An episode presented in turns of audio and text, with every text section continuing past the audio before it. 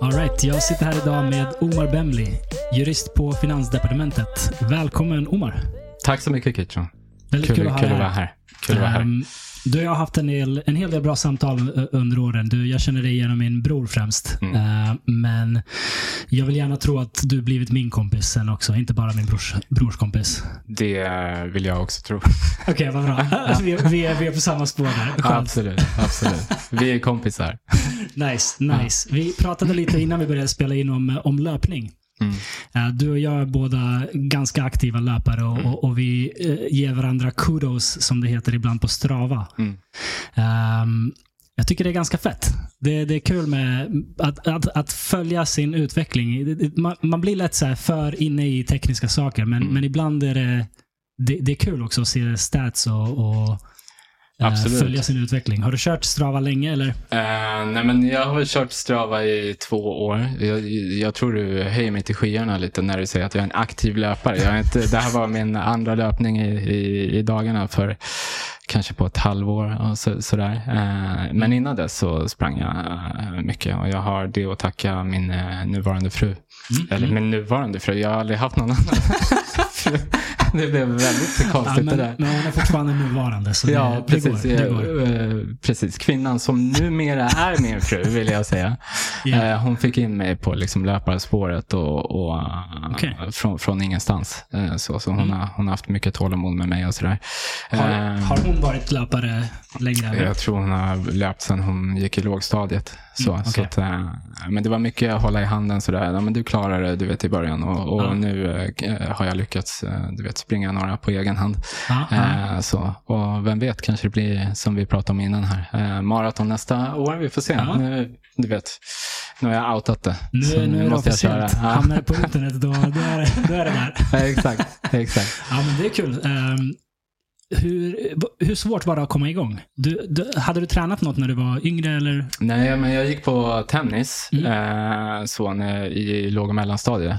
Eh, men inte så här mycket idrott när jag var yngre. Vi spelade bandy på gården, du vet. Ja. Eh, så. Eh, men eh, nej, men det, det var rätt jobbigt. Jag kommer ihåg jag bodde i Aspudden. Och sa till mig själv jag skulle jag ska springa liksom tre kilometer och liksom det ska jag klara av. Och så Mm. går jag ut och springer och så jag är helt slut och så kollar liksom, nu måste jag ha sprungit närmare tre kilometer. Nej men det var typ 1,3. Mm. Eh, helt slut. Ja. Eh, så så det, det var svårt. Det var svårt att komma igång. Men du vet, man, man får köra liksom, eh, några kilometer, stoppa, köra några kilometer till och pusha sig själv. Och till slut man bygger upp eh, konditionen. Så, så att, ja, det är kul. Jag lyssnade på en kvinna som var på, på jag tror det var på Joe Rogans podcast, som gjorde samma sak. Ja, men, hon var väl i 20 någonting års Mm. åldern och hade aldrig sprungit och, Mm. och sa jag ska klara av en, ja, vad det nu var, kilometer eller Mm. mil, Mm. mil kanske i USA. Mm. Ehm, så gjorde hon det, klarade av det. Tänkte hon, men då klarar jag säkert av två. Och så Mm. gjorde hon det, klarade av det. Ja, men då klarar jag säkert av fem. Och så fortsatte hon så. Ehm, och då, när hon var på podden, då hade hon precis varit den första kvinna som eh, ror solo från England till USA. Ja, det är fantastiskt. Hon hade bara liksom levlat upp sin utmaning Ja, det det. om och om igen. Mm. Ja, och paddlat kajak själv över Atlanten. Det är helt Det otroligt. är helt otroligt och, och det visar väl liksom att eh, vad man än gör, om man tar det steg för steg så når Mm. man någonstans eh, liksom, eh, till slut. Mm. Eh, så så att, eh, det gäller inte bara löpning, eh, det gäller vad som helst. Mm. Eh, och, och jag tror att eh, jag tror att om man, om man tittar för långt till en början så kan man liksom lamslås av Ja. eh, hur långt det kan till synes vara Ja, eh, till det här slutmålet som man kanske har. Men om man delar upp det så, så är det mycket Mm. möjligt. Ja, och löpning är ganska tacksam ehm, övning att göra det i. För det är verkligen, ja, men man lägger på en kilometer och ser, ser om det går. Exakt, exakt. Så har du anmält dig till maraton nästa år? Jag har inte anmält mig eh, Okej. till maraton, men eh, jag har sagt det på liksom, fikat på jobbet att Ja. eh, jag kommer anmäla mig och så kommer frågan, har du anmält dig? Nej, men jag kommer anmäla mig idag. Eh, Men jag har inte gjort det än. Jag tänkte Ja. köra blodomloppet på Gotland i slutet av augusti, en Okej. mil. Och sen eh, kanske jag kör en halvmaraton och sen får jag se liksom hur, hur, Mm. mycket, hur långt jag kommer. Eh, men eh, ja, vi får se. Mm. Det, det, apropå delmål. Jag, Ja. jag funkar så. Jag kan, jag, jag kan liksom inte säga till mig själv att jag, jag ska springa maraton, Ja. för då låser det sig i mitt huvud. Så Mm. Ja, milen det- först, halvmaraton sen. Det är antagligen smart. Mm. Jag, jag, vet att jag sprang 15 kilometer en dag Ja. och tänkte att men då klarar jag ett maraton och så anmälde jag mig. Ja, och se hur det gick. Vi, pratade om det här, här innan också. Liksom. Du, Ja. du eh, sprang ju på uh, fantastisk tid och liksom, ja, du körde. Ja. Eh, och du behövde inte de här 16-20 veckorna till, till förberedelse heller. Så. Det, det finns ju en fördel i att vara liksom blåögd och naiv kanske. Att man precis. inte vet hur svårt det är, då kanske man lätt ta- tar sig an det Mm. på ett annat sätt. Ja, sen, sen hade jag ju sprungit rätt mycket regelbundet, men, Ja. men inte längre sträckor. Um, men ja, det gick ju bra. Det gick, Det gick bra. bra. Jag, jag var nöjd, jag överlevde. Mm. Det var mitt mål. Ta mig Ja, igenom. nej, men du är en av dem jag ser upp till eh, när det gäller maraton och mycket annat också. Jag ska, liksom, jag ska försöka. Jag ska, jag ska gå in för. Du fixar det. Eh, Du ja, fixar det. Ja. Jag, hade, jag hade som mål att ta mig runt och inte stanna. Mm. Ehm, och det var vid ett tillfälle där någonstans vid 35 kilometer Mm. tror jag. Det gjorde så ont Mm. att jag, jag var tvungen att göra någonting annorlunda. Jag, kunde, jag ville inte stanna, men jag kunde inte fortsätta springa så som jag gjorde. Mm. Mm. Så jag tog några steg, alltså gående, Mm. bara för att säga, jag måste, måste. höfterna och allting, allting Ja. gjorde jag måste ändra det. Ja. Ehm, och så kom jag på mig själv efter några steg, bara nej, nej, fortsätt. Och så Mm. började jag springa igen. Men ändå starkt då liksom, när man ändå har stannat då och bara köra, nej, men Ja. säga till sig själv att eh, liksom, jag skulle inte stanna och så kör man. Mm. Alltså för att, eh, när man stannar när man löper, det är bland det, Ja, det, det är svårt att komma ja, igång det är igen. svårt. Alltså. Ja, det är därför jag aldrig stannade upp, Mm. utan bara tog några steg. Men för mig var det också, det, det var inte... ehm, det var, konditionsmässigt var det inget problem Mm. och viljestyrkan var inget problem. Det, det svåra var att det gör ont. Det gör ont. Ehm, det, det, inte för att skrämma dig, men... men Tack det, så mycket. liksom, vi- vill man så kan man. Ja. Bara, alltså kan, kan du springa 10 km, kan du springa 20 km, kan du springa 30 km, Mm. då, då finns det ingen anledning till varför man inte kan springa 42 km. Men eh, liksom, eh, var gör det ont? Ehm, överallt. Överallt. Okej, det är bara Ja. verkar och... och Ja. ja. Okej. Varje, varje led Ja. gjorde ont. Det Mm. var, det var mest över, ehm, överraskad kring, för det hade jag inte haft, där hade jag inte haft ont när jag sprungit eh, 30 km i förberedelse. Så Mm. Mm. var höfterna. Mm. Höfterna och ljumskarna, de Okej. gjorde ont. Och måste man, ha- jag har hört liksom om folk som har klistermärken eller du vet så, så att man inte får Skavsår. skavsår och Mm. liksom eh, så. Så att eh, det, det är ju sånt, jag, har max sprungit eh, halv mara distans liksom Ja, innan. men det det, det, var så här, det kändes okej, men man hör ju om folk som säger att det finns någon gräns där vid tre mil Ja. där det börjar kännas liksom, ja, eh, jobbigt. Jag, Eh. jag skulle väl säga att det viktiga är väl att ha kläder man har testat i löpning Ja. förut, som inte skaver. Mm. Ehm, man vill inte ha några överraskningar. Mm. Något som skaver i 42 kilometer är för jävligt. Mm. Eh, för mig gick det bra. Jag, jag hade samma boxers som jag brukar ha. Men den ena, liksom, ah, vad heter det, benet eh, på boxersen hade vikts lite. Jaha, okej. Och det märkte jag inte. Mm. Men när jag väl kom i mål och kollade, liksom, då var det ja, Skavsåren. ömt skavsår Ja. och, och, det gjorde ont ett par dagar. Ja. Så sånt är bra också- att tänka på. Att Mm. se till innan man startar att liksom släta ut allt så att det inte är något som viks upp. Men eh, när du hade sprungit det eh, maratonloppet, eh, Mm. liksom hur... Eh, när var liksom nästa eh, löptur du körde efter det? Var du tvungen att ta liksom, några veckor off eller? Jag hade basketträning två dagar senare. Okej. Och Ja. jag hade hållit mig borta från basket några veckor på grund av maratonet. Ja, För ja. att liksom träna inför det och inte, inte slita ut med basketen. Så jag var så sugen på att spela basket att det spelar ingen roll hur humör jag var. Mm. Men det gick bra. Det gick Mm. bra. Jag vet att jag hade också fått höra att det kommer ta några veckor tills man är återställd. Mm. För min del var det inte så. Det gjorde ont några dagar och på Mm. basketträningen så Mm. kände jag av det. Mm. Men det gick. Det var Mm. inget galet.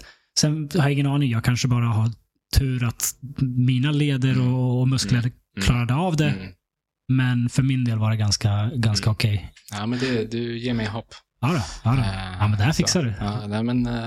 bra. Om du, om du har sprungit en halvmara ja, så, så finns det ju ingen anledning till varför du inte skulle kunna springa en, en maraton. nej.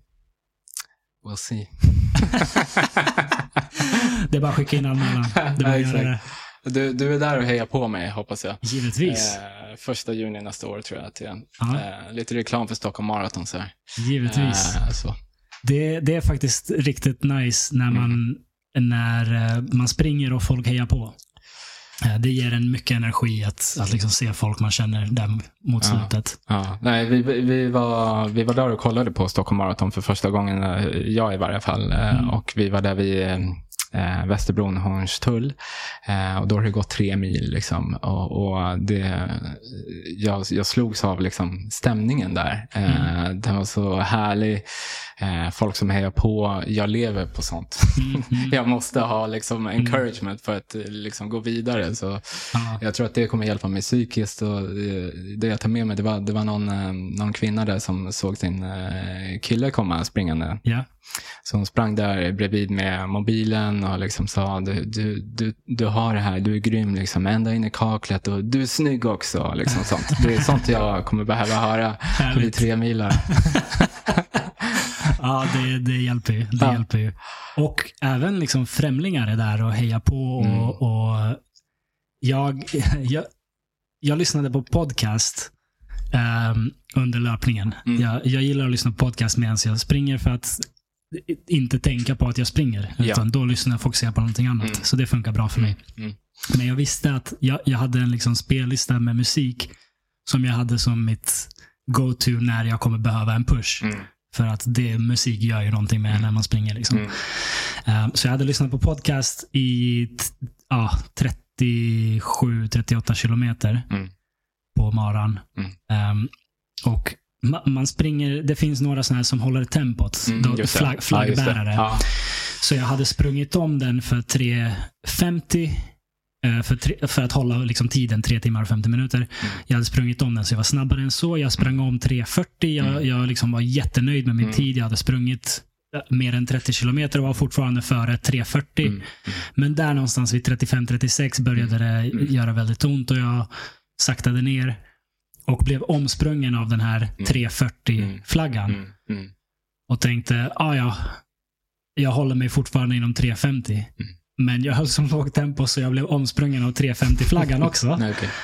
Och då liksom slogs någonting på mitt huvud. Ja. Okej, nej, nu, nu Ja. måste jag göra Ja. något. Ja.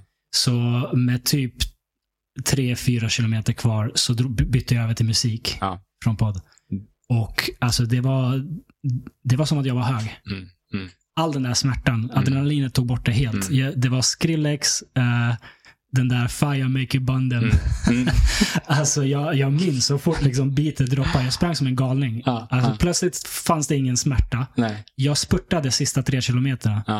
Eh, och det, d- varför jag kom till det, publiken Mm. blev hypade Mm. för mig för att jag spurtade. Mm, För mm. Du vet, alla är döda. Mm, Jag var mm, också. Jag, mm. jag gick knappt Mm. liksom. Men sen fick musiken igång mig och så spurtade jag och då blev alla eh, i publiken hype och började liksom peppa på mig. Ja. Och så blev jag ännu mer hype Ja. så jag bara liksom löpte Du sista löpte tre. som på moln in. Det var liksom. helt otroligt. Som Ja. att all den där smärtan var borta och jag, ah, ah, jag kände inte ens någon smärta när jag kom i mål. Mm. Det var bara en adrenalinkick helt och hållet. Typ. Det är det. Jag kanske måste omvärdera för när, när jag springer så kör jag helt utan liksom, någonting. Jag lyssnar inte på någonting. Jag ser det som, eh, det blir lite meditativt eh, för mig. Ja. Och inte tänka på någonting och bara tänka på eh, löpningen. Men om man ska göra det i fyra mil så kanske eh, man behöver den där pushen som du är inne på liksom, eh, på slutet. Eh, vem vet.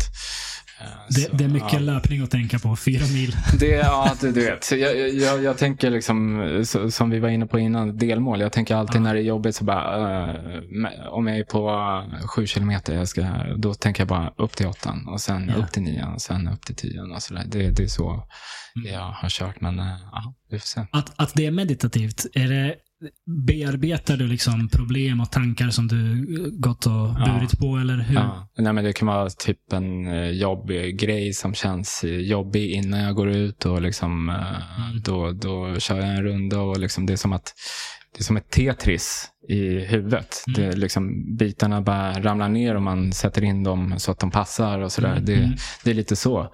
Och sen när man då kommer ut på andra sidan efter löpningen så känns det som att det, det är liksom klarare. Och jag Mm. har en så plan hur jag ska göra saker. Och, och så ofta Mm. är det så. Eh, Men det kan också vara liksom att jag, jag går in i löpningen och liksom inte tänker aktivt på någonting. Eh, Mm.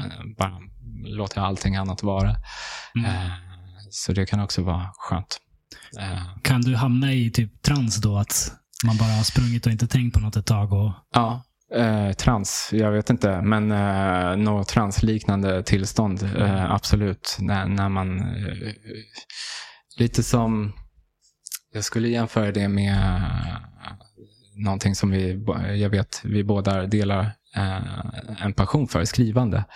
Eh, när man går in i någonting och inte tänker, man tänker inte ens, man, man, tiden existerar inte längre. Eh, den typen av trans ja. eh, får jag också genom löpningen ibland. Mm. Eh, så.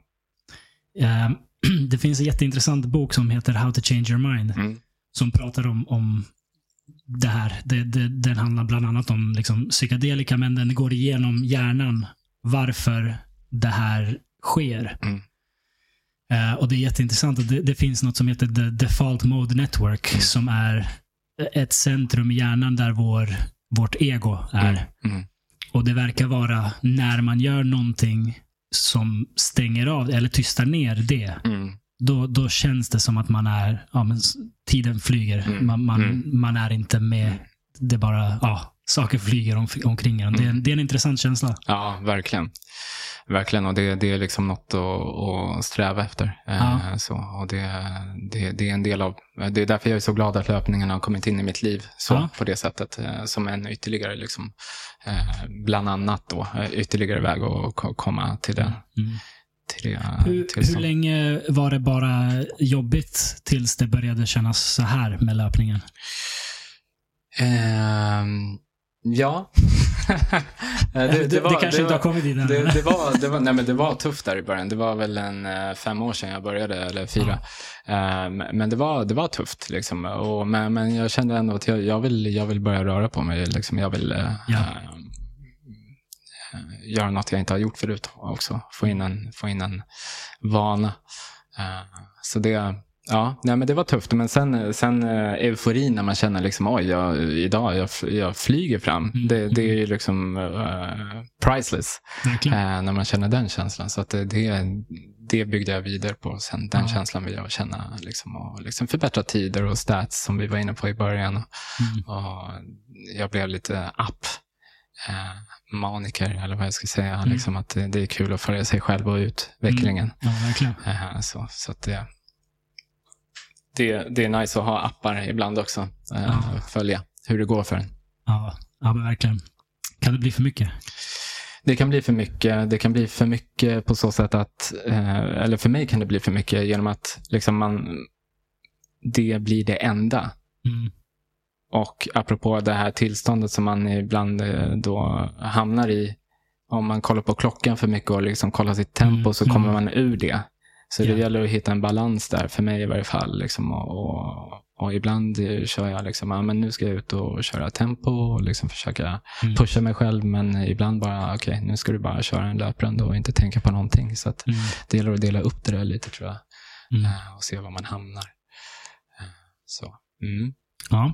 Tennisen då? Hur, hur, eh, hur länge körde du det? Alltså jag vet inte. Det var, det var, det var några år tror jag i mellanstadiet. Ja. Eh, så vi körde i rackethallen i, i Jordbro i Ja. Haninge. Eh, och sen körde vi också på, vi hade en asfaltbana i Västerhaninge där jag är uppväxt. Mm. Eh, Som, eh, det var alltså en hemsk tennisbana. Massa gruskorn överallt och så en stor eh, grop i, i asfalten. Så man fick lära sig du vet, att snabbt eh, hantera bollar Ja. och de studsade hit och dit och sådär. Så man fick snabba reflexer. Eh, så när Ja. man var inne i en riktig tennishall så kändes det väldigt lyxigt. Ja. Bara bollarna studsar som de ska. Eh, så så att, det- men tennis är fortfarande min favoritsport att liksom Mm. spela. så. Eh, också kul att titta på. Eh, Hinner du lira någon gång då och då? Ja, men eh, typ en gång varannan, en gång varje månad typ Ja. kör jag med en gammal polare. Så. eh, Kul. Ja, jätteroligt. Eh, Eh, Du nämnde Haninge. Mm. Är det där du är född och uppvuxen eller? Yes, eller vi, jag föddes nog i Järfälla. Eller nog, jag föddes i Järfälla. Jag borde Ja. veta var jag är född. Sen, eh, vad, vad hamnade vi sen? Min pappa är från Tunisien, så vi flyttade faktiskt ner till Tunisien något år. Okej. Eh, jag har inget minne av det. Sen eh, tillbaka till eh, Sverige. Mm. Och då bosatte vi oss i Västerhaninge, i, i Haninge. Så där är jag, liksom, det är där jag är, eh, känner som eh, liksom, mitt hem. Så. Eh, Ja, jag, jag vet inte om jag någonsin varit i Haninge eller Västra Haninge. Nej, men alltså, det finns ingen skäl att vara där om man inte liksom, eh, Är det pendeln? det är pendeln. Är- Alltså, det är halvvägs till Nynäs från, Okej. eh, från, från stan. Grejen är liksom om man, om man, eh, jag brukar köra den storyn för, om, om olika delar i Haninge. Vi, vi har liksom Tungelsta, vi har Brandbergen, vi har Dalarö och liksom på Haninges hemsida förut i varje fall. Mm. Då beskrevs eh, Dalarö som så här, skärgårdsidyllen och liksom Tungelsta var någon så här, trädgårdsvilla, eh, villa, bla bla bla. Och så kom man till Västerhaninge och deras enda beskrivning var samhället som delas i två av järnvägen. Det var typ det bästa de kunde komma på om Okej. Västerhaninge. Och det är sant. Det, det, det är faktiskt sant. Men ni, kan, ni kunde väl ha kommit på någonting liksom, eh, bättre. Fin natur, eh, bla bla bla. Så. Men eh, ja, men eh, Vad trots skulle, det. om du skrev den, hur skulle du skriva? Eh, nu, nu fastnar jag på den där järnvägen. Men alltså... det kanske inte finns något annat. Det är kanske det som gäller. De, de, inte, de på satt fyra, fyra skribenter i ett möte och ja, ja, vi det är kör det på det här då. Det är det bästa vi har. Eh, faktiskt så kommer jag inte på något annat. Men, men det, det, är, det är sant. Liksom. Det, det är en järnväg. Och ena sidan så är det liksom lite socioekonomiskt utsatt. Mm. Eh, lite fattigare och så. Den, den delen kommer jag ifrån. Så har vi en del med radhus och sådär. Ja, Eh, och, och det var intressant när man hade då kommit upp till högstadiet och de här två världarna liksom möttes, Mm, i mm. vissa fall kolliderade och sen också folket, eller eleverna som kom från Dalarö som är liksom övre medelklass skulle jag säga. När de kom till den här skolan, det blev ju liksom ännu större Mm. krock, inte minst för dem som, Mm. som liksom eh, träffade på eh, oss från Västerhaninge där. Ja. Det var ett ganska intressant möte, men jag kom alltid överens med, med alla. Eller från min sida i varje fall. Ja. Och eh, mm, nej, men det kunde vara ja, det kunde vara stökigt. Eh, Mm. så. Men jag hade, jag hade alltid, liksom, jag har alltid varit pluggis. Mm, Eh, mm. Så gillat eh, skolan och liksom läsa och skriva och liksom lära mig. Men jag fick ro att göra det eftersom jag hade då beskydd från eh, en barndomskompis som, Okej. som blev bad boy. Okej. Eh, så när, när det kom killar från andra delar av Haninge för att mula oss, då, Ja. då sa de liksom, han, min kompis, han bara, "Ja, nej men han är med oss. Så Ja. eh, jag slapp bli mulad och kunde liksom sitta och plugga i godan ro. Typ. Ja, det är viktigt att ha. Ja, det, det är viktigt. Om man inte är en bully själv så, så behöver man en bully backa upp en. Ja, alltså jag skulle inte säga Inte att han är, bully, han men, är en bully, men eh, du vet, det, det, var ingen som, eh, det var ingen som gjorde så mot honom. Så han, Mm, han liksom eh, inkluderade mig i sin krets, vilket jag är tacksam Schysst. för. Schysst. ja, det är jätteschysst. Slapp du bråk? Du hamnade aldrig i... Nej, jag hamnade aldrig i bråk och jag, liksom, jag, jag är inte alls den personen. Jag Mm. tyckte alltid det var liksom obehagligt med, med bråk på skolgården och, och, och så. Så att jag, jag var och är, förblir en, en pluggis. Eh, Ja. Så gillar, gillar det. Har du vetat hela livet att du ska bli jurist eller? Nej, eh, men jag har alltid haft ett, eh, ett samhällsintresse. Mm. Eh, jag kommer ihåg i lågstadiet och mellanstadiet så hade vi varje vecka tror jag, så här, nutidsorientering. Jag vet inte om ni hade det i er skola. Nutidsorientering. Man så här, ställer 20 frågor om vad som har hänt i veckan. Nej, nej. Eh, och det var jag och en, eh, en eh, kompis, Anna. Vi tävlade alltid om att liksom, eh, ligga först på det varje vecka. eh, för att vi tyckte att det var kul. Ja.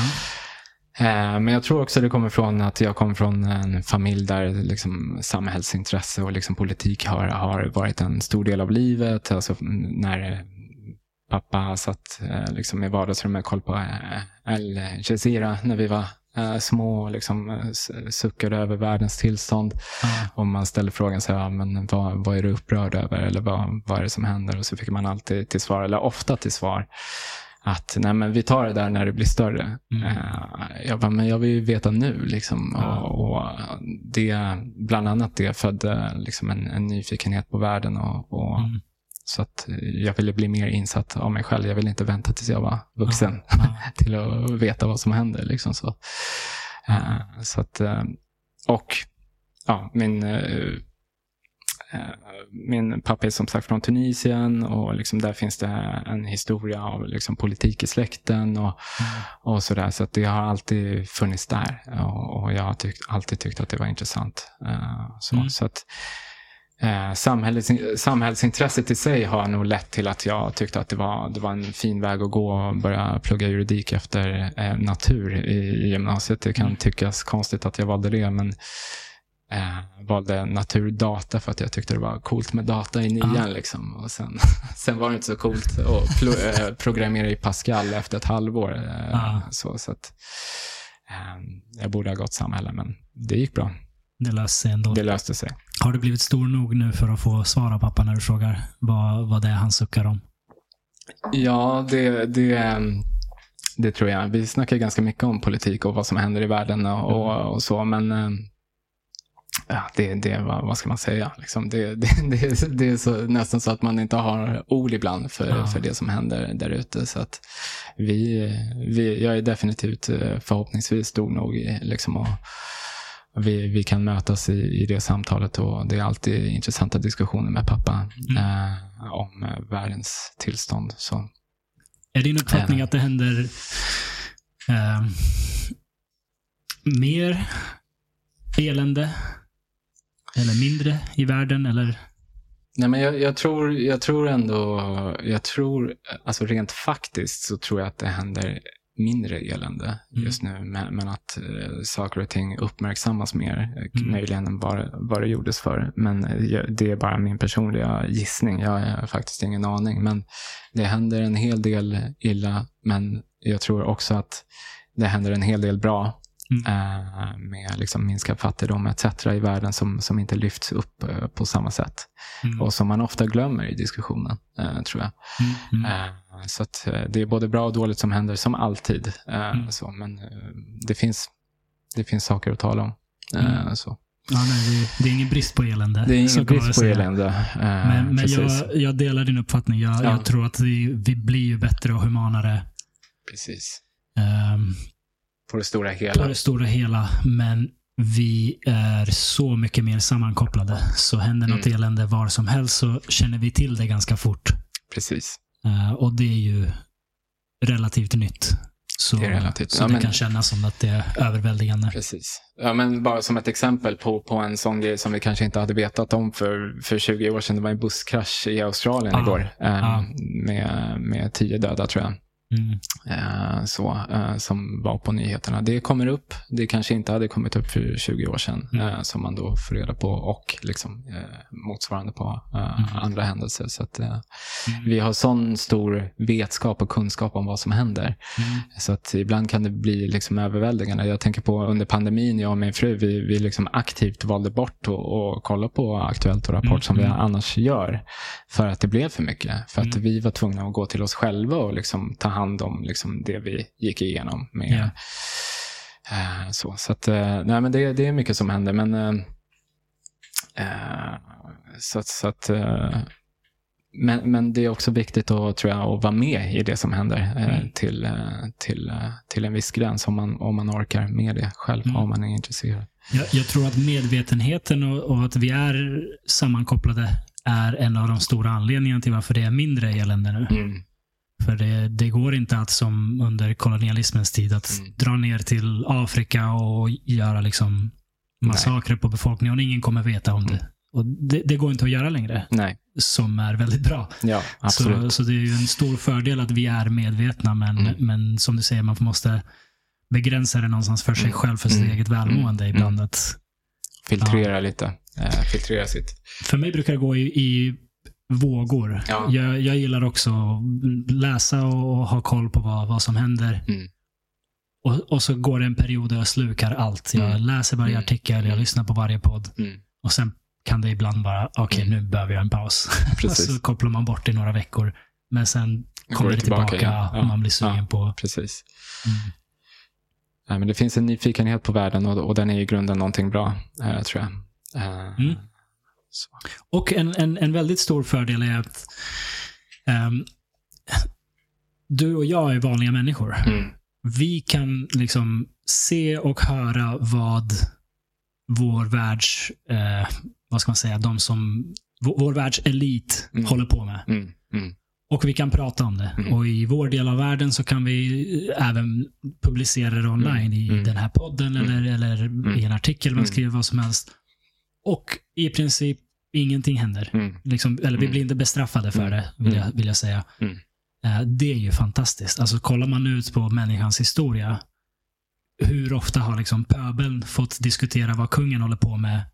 Ja, Fritt. men, nej men absolut. Och, och liksom det är intressant det du säger. Jag, jag kommer bara att tänka på liksom att jag, jag delvis, alltså vi spenderade många som, sommarlov i, i Tunisien och Mm. har varit jättemycket där. Eh, och, och det var ju så fram till eh, liksom arabiska våren att Mm. eh, då presidenten Ben Ali, hans porträtt var i liksom varje i varje liten eh, liksom, butik så var- var innehavaren tvungen att ha ett Ben Ali-porträtt för annars kommer det frågor från polisen. Varför har du inte det? Eh, och jag kommer ihåg en gång eh, särskilt, det har etsat fast i mitt minne. Jag åker taxi med Mm. min kusin. Och så säger jag någonting som, som eh, möjligen liksom skulle kunna tolkas som eh, kritik mot Mm. eh, då sittande presidenten Ben Ali. Eh, och han hoppar på mig liksom och, och håller för min mun aktivt. För, och, liksom, alltså? nej, nej, min kusin. Ah, kusin, Eh, min okej. kusin gör det. Eh, och, och liksom förklarar sig efter bara, det där kan vara superfarligt och, och fy så, så kan du inte säga. Så att, alltså, för mig är inte det så långt bort. Nej. Eh, Ett sånt samhälle som är repressivt och, och liksom, som, som man inte som är, är stängt helt enkelt. Mm, Eh, mm. och där, där man får vakta sin tunga. Eh, och därför är jag jag liksom upp, det, det var alltid så när man kom tillbaka, eller ofta så när man kom tillbaka från Tunisien, när man kommer till passexpeditionen på Arlanda, det är så här, sigh of, of relief ibland Mm. när man kom dit. Det här kan, liksom, jag kan andas fritt här igen. Mm. Det finns mycket bra saker med Tunisien i övrigt. Så. Och det, det är mycket, det händer saker där nu politiskt så, men, men eh, vi var glada liksom efter arabiska våren när Ben Ali då blev Mm. avsatt och var tvungen att fly. Det var en stund av glädje. Mm. Eh, Förstår det. Mm. Hur, hur gammal var du när arabiska, arabiska varen? Eh, när den skedde så var jag runt 30. Eh, Okej, så. då hade du ganska bra koll på hur det var innan, antar jag? Ja, Har precis. du varit mycket i Tunisien? Ja, eh, på sommarloven och, och, och eh, vi, vi var ofta där med farmor så hon tog hand om oss på, på Mm. sommarloven. Så det var jag och mina kusiner som var där och, och hängde. Eh, stackars farmor. Mm. Må hon vila i frid. Allt som hon var tvungen att bli utsatt för av oss. Bus och liksom, vi kastade tomater på våra grannar och liksom sa att det inte var vi. och det, Ja. ja, Stackars hon. Eh, stackars henne. Så. Men, eh, ja, nej, men vi, vi såg, vi, vi känner till Tunisien och, och vi känner Tunisien så. Så att vi har sett det. Eh, och det är inte någonting, alltså den politiska aspekten av det hela, det är inte någonting man vill gå tillbaka till. För det, Nej. det är svårt att andas i ett sånt samhälle. Mm. Mm. Ehm, så efter natur så sökte du dig till juridik. Yes. Och vad var tanken då? Vad ville du jobba med i framtiden?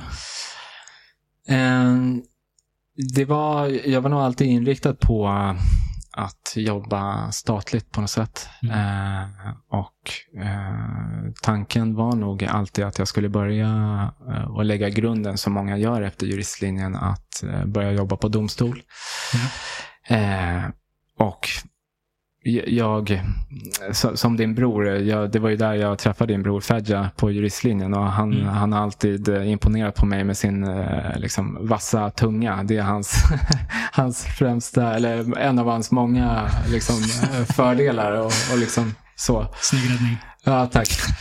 Eh, nej, Fedja, I love you. Eh, men eh, jag äger inte liksom, talets gåva på, på det sätt som han gör. Eh, jag är mer den skrivande personen. Eh, Så att, jag, visste redan från början att jag kommer inte bli försvarsadvokat. Eh, eller det, det är inte det som jag kommer sikta in mig på. Så jag körde domstol och liksom efter den här första två åren där man får liksom hjälpa till att skriva domar och skriva förslag till domar och beslut och sådär så valde jag att gå vidare på domarbanan heter det. Okej. Och då lär man sig att ja, men, då får man döma själv i mål. Mm. Eh, och det är fyra år, eh, en fyraårig utbildning om jag minns rätt. Mm. Ehm, och sen efter det är tanken liksom att man ska lämna domstolen och pröva sina vingar någon annanstans. Och då sökte jag mig till, eh, till regeringskansliet och finansdepartementet. Ja. Och där har jag jobbat nu i sex år snart. Right. Eh, med främst skattejuridik. Så det är vi som då, vår främsta uppgift är att eh, skriva lagförslag som vi sen lämnar till riksdagen som beslutar om Mm. eh, de skattelagarna som vi skriver. Så det är ni som är det här deep, eh, Deep state. deep state som man pratar om. Ja, men det, det, jag tänkte liksom på vägen hit, hur ska jag förklara? Vi är ju en del av... Hur ska, hur ska jag berätta om att jag är med i Illuminati utan att berätta det? Exakt, precis. Jag gör tecken här i studion. Eh, så, nej men det, det är, eh, hur ska jag rädda det här? Eh, nej men vi är en, en del av, och det, det är faktiskt någonting som, är, som jag tycker är fint med regeringskansliet. Vi är en del av den opolitiska delen som är där oavsett vilken regering som är där. Vi finns där och vi Ja. har liksom det institutionella minnet och know-how för att kunna ta emot en ny regering och liksom sätta, sätta in dem i arbetet snabbt. Och, Det är liksom byråkratin som håller det hela igång. Ja, precis. Och, som, och n- när vi hade perioder med övergångsregeringar och, och, och tidigare så, så finns det ju en viss eh, förvaltning som alltid måste rulla i staten. Ja, ja. Och, och det sker ju med hjälp av regeringskansliet och myndigheterna. Så. Mm. Eh, men eh, ja, det, det varit int- intressanta sex år och mycket som har hänt under de här sex åren. Med Mm. pandemin, det var mycket jobb då och Mm. liksom försöka rädda företag och Mm. eh, etc. Och nu, eh, nu senast så har vi haft eh, ordförandeskapet som är några veckor till. Eh, till sista. Ordförandeskapet i, I, EU, i, har, EU. har Sverige haft alltså. Precis, Sverige har haft eh, ordförandeskapet i EU. Mm. Eh, och då håller man i klubban och leder möten och liksom sätter agendan under ett halvår. Så varje medlemsstat får ett halvår liksom var. Mm. Så efter oss nu första juli kommer Spanien och innan oss var Tjeckien. Mm. Eh, så det har varit mycket och intressant jobb med det nu under våren. Okej. Eh, Innan vi kommer in på ditt Mm. nuvarande jobb vill jag fråga lite om eh, när du jobbade då som domare. Mm. Hur var det? Vad, får, hur funkar det? Liksom? Får, får du döma vilka typer av eh, ja, brott? Det är väl alltid brott? Eller? Nej, eh, det finns ju två typer av domstolar. Eh, Vi har allmänna domstolar och där är mycket brottmål eh, Mm. och tvistemål. Alltså om du och jag har en tvist om något avtal så, så kan det avgöras i de typerna av domstolarna. Sen har vi de alltså förvaltningsdomstolarna Mm. och där avgörs mål mellan, alltså i grova drag nu, mellan enskilda och myndigheter. Okej. Så att om du får ett eh, beslut från Skatteverket så kan du överklaga det till eh, förvaltningsrätten. Ja. Och det var på en sån typ av förvaltningsrätten i Stockholm och kammarrätten i Stockholm som jag var på. Mm. Så att det kan alla möjliga eh, mål och beslut som rör liksom, förhållandet mellan enskilda och myndigheter. Så det kan Okej. vara alltså socialtjänstens eh, beslut och Migrationsverket och Försäkringskassan och Skatteverket etc. Mm, mm. Och det är Så- där du var alltså på Det var förvaltningsdomstolen? där jag var och hanterade sådana mål. Ja. Och eh, då har man ibland som en del i liksom utredningen eller i hanteringen av målen så har man för, eh, muntlig förhandling. Alltså där liksom parterna kommer dit och, så, och myndigheten är där och så liksom, lägger man fram sina bevis och argument och, och, Mm. och så avgör man målet. Och det var ju, det var ju speciellt eh, liksom, att sätta sig i den rollen, i den beslutande rollen. Det är Mm. du som liksom fattar beslutet. Mm, mm. Eh, det, var lite, ja, men det var lite tufft. Och jag kommer ihåg första gången jag skulle göra det. Jag var så nervös. Jag hade couscous med mig i en matlåda Okej. och, och skulle liksom käka. Det var efter lunch som jag hade den här första muntliga förhandlingen. Ja. Eh, jag var så nervös att jag tog fel eh, matlåda. Jag tog en älgstek. Eh, liksom Okej. så. Värmde den, satt och käkade den, reflekterade inte för att jag var så nervös. Eh, och sen har jag den här förhandlingen, det gick väl okej. Och sen när jag, på något sätt när jag ska gå hem och liksom ta min matlåda så ser jag liksom min, min couscous är kvar. Men shit, vad, jag, vad har jag käkat? Men då har jag tagit någons älgstek. Dagen efter så var det någon som hade satt en post-it-lapp på kylen. Liksom. Ah. Vem tog min älgstek? Eh, jag, jag gav mig aldrig till känna så, för att jag skämdes så mycket. Ja, jag förstår det. Eh, den var jobbig. Eh, Ja. så. Men det, det är bara för att belysa den, den inledande stressen Ja. som man känner liksom, i den rollen. Men sen, du vet, eh, som sagt, man var där i fyra år och till slut så lär man sig att bli trygg i, i liksom, Mm. den beslutande rollen och att allting faller på, eller allting går tillbaka till dig. Ja. Och det är upp till dig att fatta ett så bra beslut som möjligt.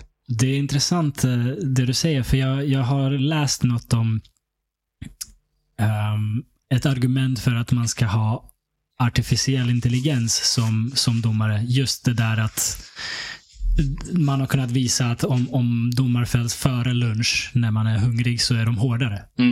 För att det är en så mänsklig grej att när man är hungrig eller ja, någonting har hänt hemma, man är eh, tänk, disträ eller vad som helst. Det kan påverka Mm. folks liv. Och, och så vill man ju inte ha det i ett rättssystem såklart. Nej, nej absolut. Ehm, däremot så tror jag också att det, det finns så många, många, vad ska vi säga, alltså mänskliga och subjektiva element i dömandet Mm, eh, so- som eh, finns där och som enligt mig ska finnas där också. Ja. Eh, men alltså, du ska ju alltid tillämpa lagen, men, men det, det, jag tror att det är viktigt att det så här. Om, om jag s- hade haft ett mål i en domstol, Mm. då hade jag velat ha en människa som domare och Mm. inte en maskin. Eh, för att liksom ta, ta hänsyn till den fulla bilden. Mm. Eh, jag hade inte känt mig bekväm med chat, eh, vad heter det, GPT, ChatGPT. ja, Ja. som en domare i mitt mål. Så, Ja. Nej, jag, jag är helt med dig. Men jag tycker att det är en ganska intressant en- ja. filosofisk diskussion. För det det egentligen säger är, vi vill ha en människa för en människa är inte perfekt. Um, hade det, säg att det handlar om en domare i en sport. Mm. Det finns en charm i att det ibland blir fel. Mm. Eh, vi, vi vill att allt ska gå enligt reglerna, men, Mm. men det är någonting med oss människor där, där det, när det inte alltid är helt perfekt punkt och pricka, Mm. det gör upplevelsen rikare på Mm. något sätt. Som Mm. att det kan ibland vara lite slump som avgör och så. Mm.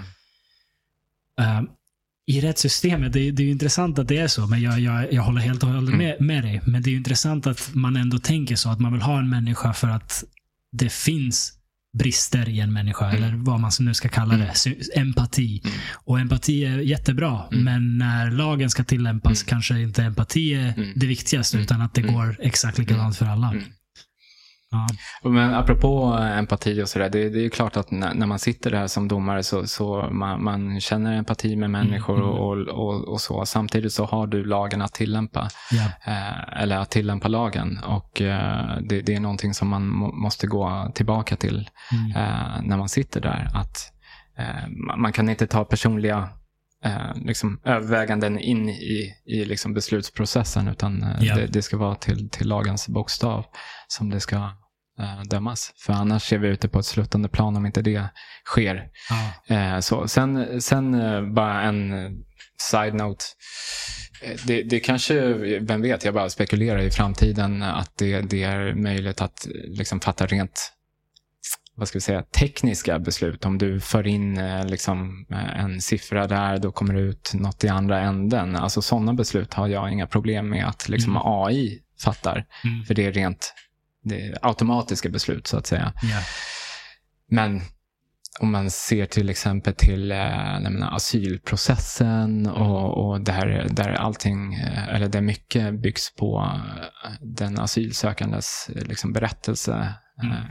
Som, som den personen berättar. Det är, liksom, det, det är så mycket mänskligt i det. Ja, gud ja. Så To- det- det- är, det, är det sanning? Är det lögn? Är det Precis. liksom, ja. Så, så det är svårt att, att för, i, i, i min värld är det svårt att tillämpa liksom en automatiserad process på, på den processen. Eh, Mm. Så att säga. Så att, ehm, Jag, jag tror att det har varit det, men jag tror det börjar bli enklare. För vad jag förstår så eh, finns det ansiktsigenkänningsmjukvara som är mycket, mycket bättre än vi människor på att tyda om någon Mm. ljuger till exempel. mm.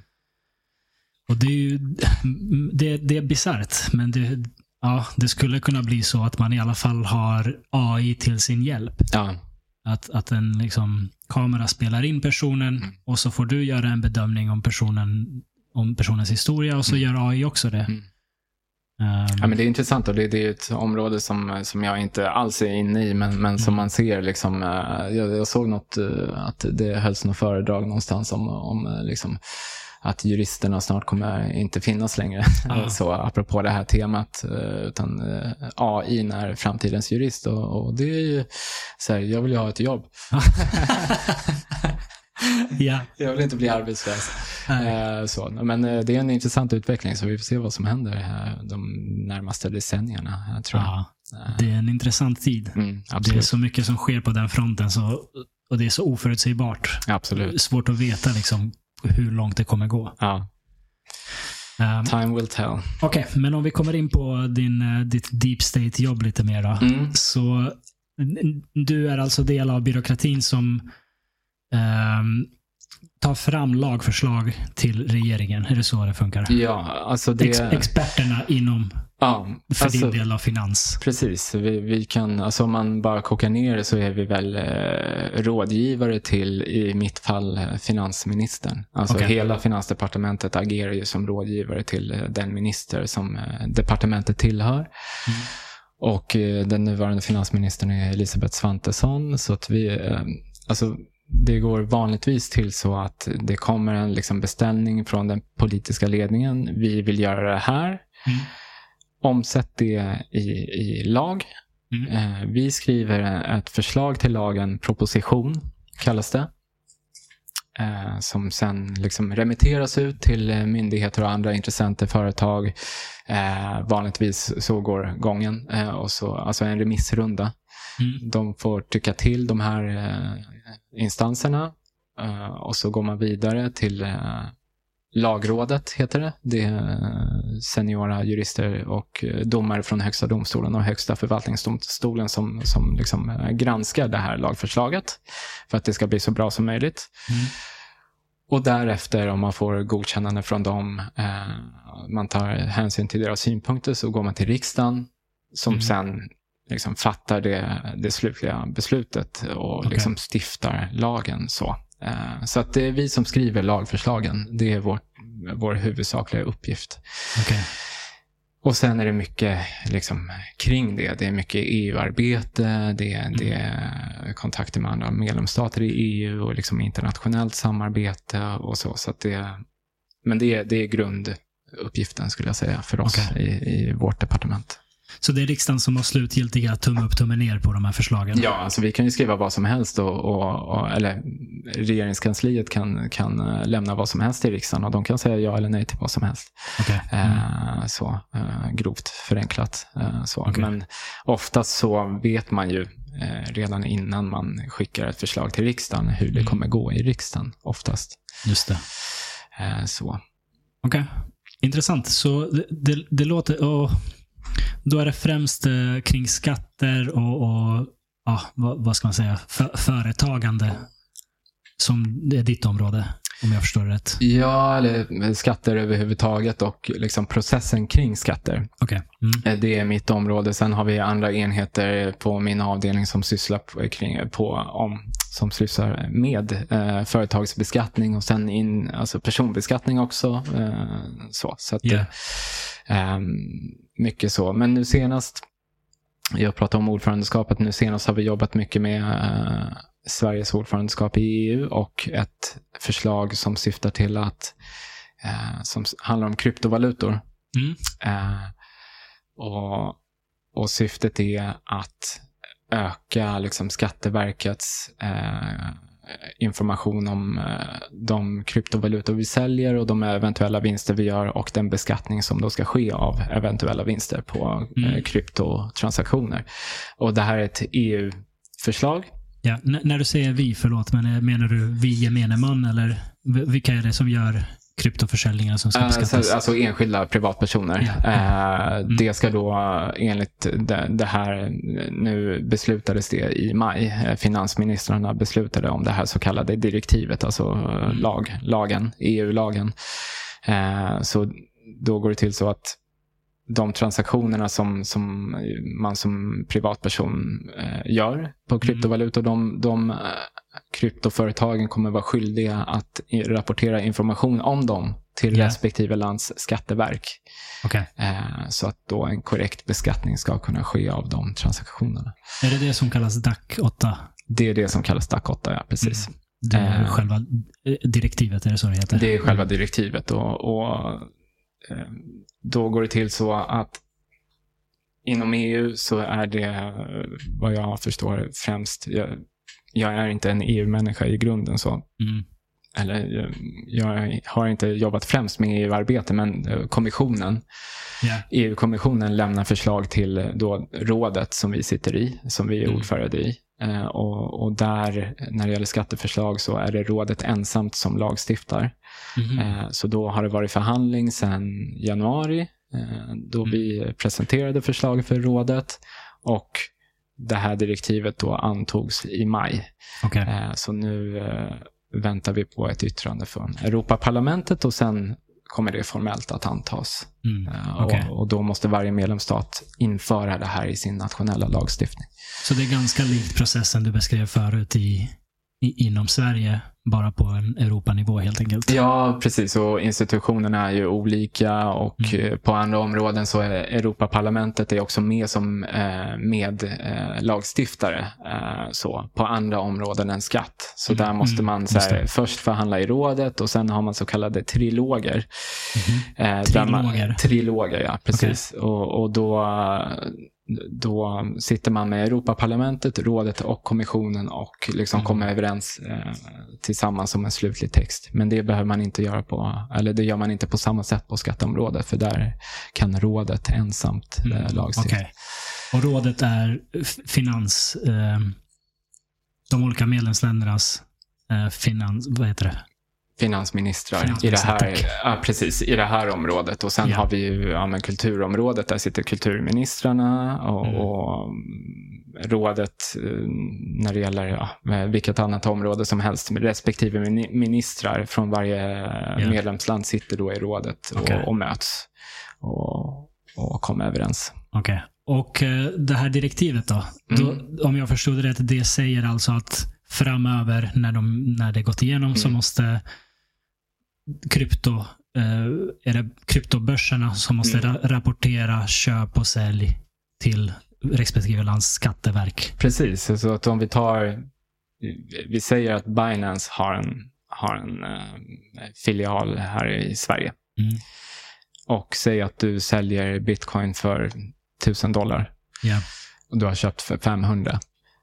Det kommer då att eh, Binance Sverige var tvunget att rapportera till Skatteverket. Mm. Och så har då Skatteverket information om den här transaktionen och kan då kontrollera att du beskattas korrekt Ja. eh, och att du i din deklaration eh, liksom, att den är korrekt i det avseendet. Så att, eh, det, för, för att problemet är idag att eh, de olika medlemsstaternas skatteverk inte har koll på de här transaktionerna. Det är ett stort mörker där. Eh, Mm. Så syftet är att liksom sätta spotlight på de här transaktionerna. Ja, ja, vissa skulle ju säga att det är motsatsen till problemet.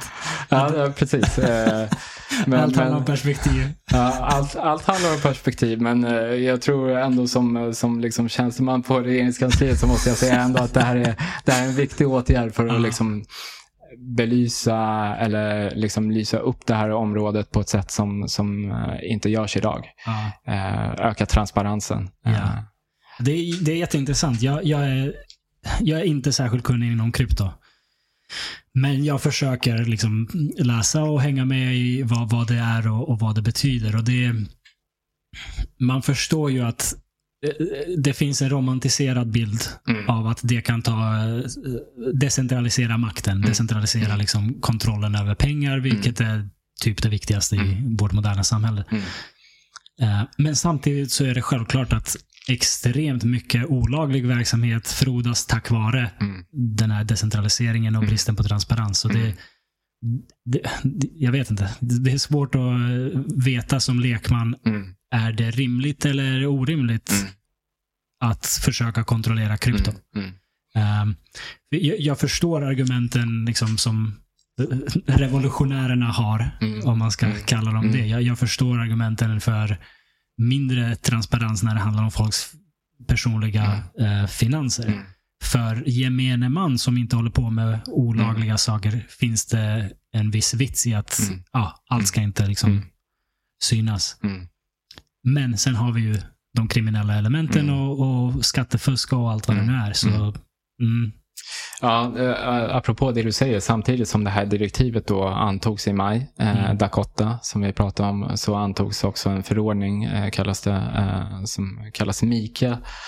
Och det gäller också krypto, liksom, tillgångar och krypto, eh, vad heter det, eh, leverantörer av kryptotjänster. Mm. Eh, där det kommer bli mycket mer uppstyrt och liksom det ställs krav på sådana företag som då eh, tillhandahåller sådana här tjänster. Så att det, det kommer gå från att vara ganska oreglerat idag till Mm. att vara ganska reglerat inom EU i framtiden. Men jag vill betona också att Dakota, som vi pratar om främst nu här, det gäller bara beskattningen eh, och öka transparensen där. För att eh, eh, som sagt, det, det är ett mörker där idag. Okej, men du, du har varit lite i, ehm, i, i Bryssel då, vad jag förstår. Yes. Och senaste tiden har jobbat med de här sakerna. Ja, precis. Så att vi har haft ehm, eh, möten i Bryssel eh, kanske två gånger per månad, vilket är väldigt, väldigt intensivt. Ja. Ehm, då, och då liksom man, man måste ju förbereda mötena, så då hade vi två, tre veckor emellan varje möte bara och, och liksom förbereda vad ska vi prata om eh, på nästa möte och sen sammanfatta det mötet och okej, gå vidare. Så till varje, i princip till varje möte så hade vi, man har liksom kommissionens ursprungsförslag Mm. och sen jobbar vi fram så kallade kompromissförslag. Eh, där vi försöker ta in synpunkter från eh, 26 medlemsstater och försöker koka ner det till en gemensam eh, grund som alla kan stå bakom. Låter hur lätt som helst. Eh, väldigt, väldigt enkelt. eh, och det, är ju, det har varit, varit både en utmaning eh, men en tjusning i det hela och liksom få, det finns något vackert i Mm. att sitta i, i ett rum med, med då 26 olika medlemsstater tillsammans med ordförandeskapet som då är 27 och få till, ihop något som alla kan skriva under på. Mm. Eh, och när man väl lyckas med det, det, det är liksom en fröjd Mm. eh, Förstår man känner. Eh, men det, det har varit en utmaning och liksom i vissa områden i det här förslaget så har det varit eh, diametralt motsatta åsikter och då får man Mm. försöka hitta eh, middle ground. Så, så liksom, Mm. eh, och i vissa fall så är det liksom som ett korthus. Om man tar bort en bokstav där, då är det liksom någon medlemsstat som inte köper det. Det. Eh, och det har varit otroligt mycket så kallade bilateraler, alltså bilaterala möten mellan, mellan Mm. oss och enstaka medlemsstater. Så man pratar med medlemsstat X. Är det här okej för dig? Okej, det är okej för dig. Då går vi vidare till näs- nästa medlemsstat. Är det okej för dig? Okej, nej, det var inte okej. Då måste vi skruva. Otroligt mycket arbete. Men Mm. eh, vi lyckades eh, gå i mål till slut i, i maj eh, med, med det här förslaget. Så att, Bra jobbat. Ja, men tack. Och jag vill rikta ett tack till teamet också. Eh, Vi har varit många som har jobbat med det här eh, mycket. Eh, så. Men det, det finns, jag förstår nu varför ordförandeskapet, var, varje medlemslands ordförandeskap är bara sex månader. För att eh, man orkar inte med tempot alltså. Ja. Det, om det är mer än sex månader. Så, så är det för att Sverige har haft ordförandeskapet som du och ditt team har haft ansvaret att liksom prata med alla och få till Exakt. det här. Exakt. Så att vi sitter där i, och, och leder eh, mötena som sådana, liksom i Bryssel. Eh, men du har också det övergripande ansvaret att att liksom föra akten framåt hela Ja. tiden. Och vi hade ett utsatt mål att bli klara liksom i maj. Ja. Eh, och då, då liksom det pushas hela tiden och liksom det finns en press Mm. på att leverera. Och pratar du då med eh, andra länders finansministrar eller typ deras team och motsvarande? Eh, Omar Bemli där? Eller Precis, så att eh, vi börjar på vår eh, liksom, eh, eh, lilla nivå, uh, ja, tjänstemannanivå och sen, eh, sen vi blir klara på vår nivå. Ja. Sen går det upp till vår chefsnivå, high level, eh, Ja. så kallat eh, nivå. Och sen ett steg till och sen finansministrarna. Så Okej. att, men men vi, vi blev klara, skulle säga i, i slutet av april där någon gång och beslutet av finansministrarna togs i mitten av maj. Okej. Eh, Så, så att det finns en hierarki som, som det måste tröskas igenom. Okej. Jag kommer ju från före detta Jugoslavien. Mm. Så med, ju äldre jag blir, eller eh, min, vad ska jag säga, min eh, bild av unioner Mm. har gått i vågor. Eller liksom, eh, Ju- Jugoslavien var ett land bestående av, en federation bestående av, ja, hur många det nu är, nu är det åtta länder tror jag. Ja. Ehm, väldigt, väldigt snarlika. Mm. Väldigt liksom nästintill samma språk, Mm. väldigt snarlik kultur. Mm. Religionskillnader, Mm. absolut, men i det stora hela var väldigt lika människor. Mm. Eh, och det gick som det gick liksom, Mm. i Jugoslavien. Det Mm. totalt föll ihop. Mm. Ehm, så när jag var liksom, i tonåren, tidiga 20-åren, så kände jag att EU måste ju vara dödsdömt. Mm. Ehm, för att jag förstod att så olika människor, hur ska det gå i en Mm. union? Mm. Ehm, sen har jag blivit äldre och förstått att okay, det finns skillnader på Mm. Jugoslavien och Mm. EU såklart. Mm. Inte minst eh, liksom, hur det ekonomiska sköts och, och så vidare. Ehm, så, så jag är mer öppen till att det kan funka. Mm. Men sen börjar det liksom skaka och rassla och Brexit och, Mm. och, och Mm. flera andra länder som pratar om Mm. eventuell exit. Hur, hur ser du på EU liksom som projekt? Det, det, är inte, det har inte funnits för evigt Nej. och det finns inga garantier för att det kommer finnas för evigt. Nej.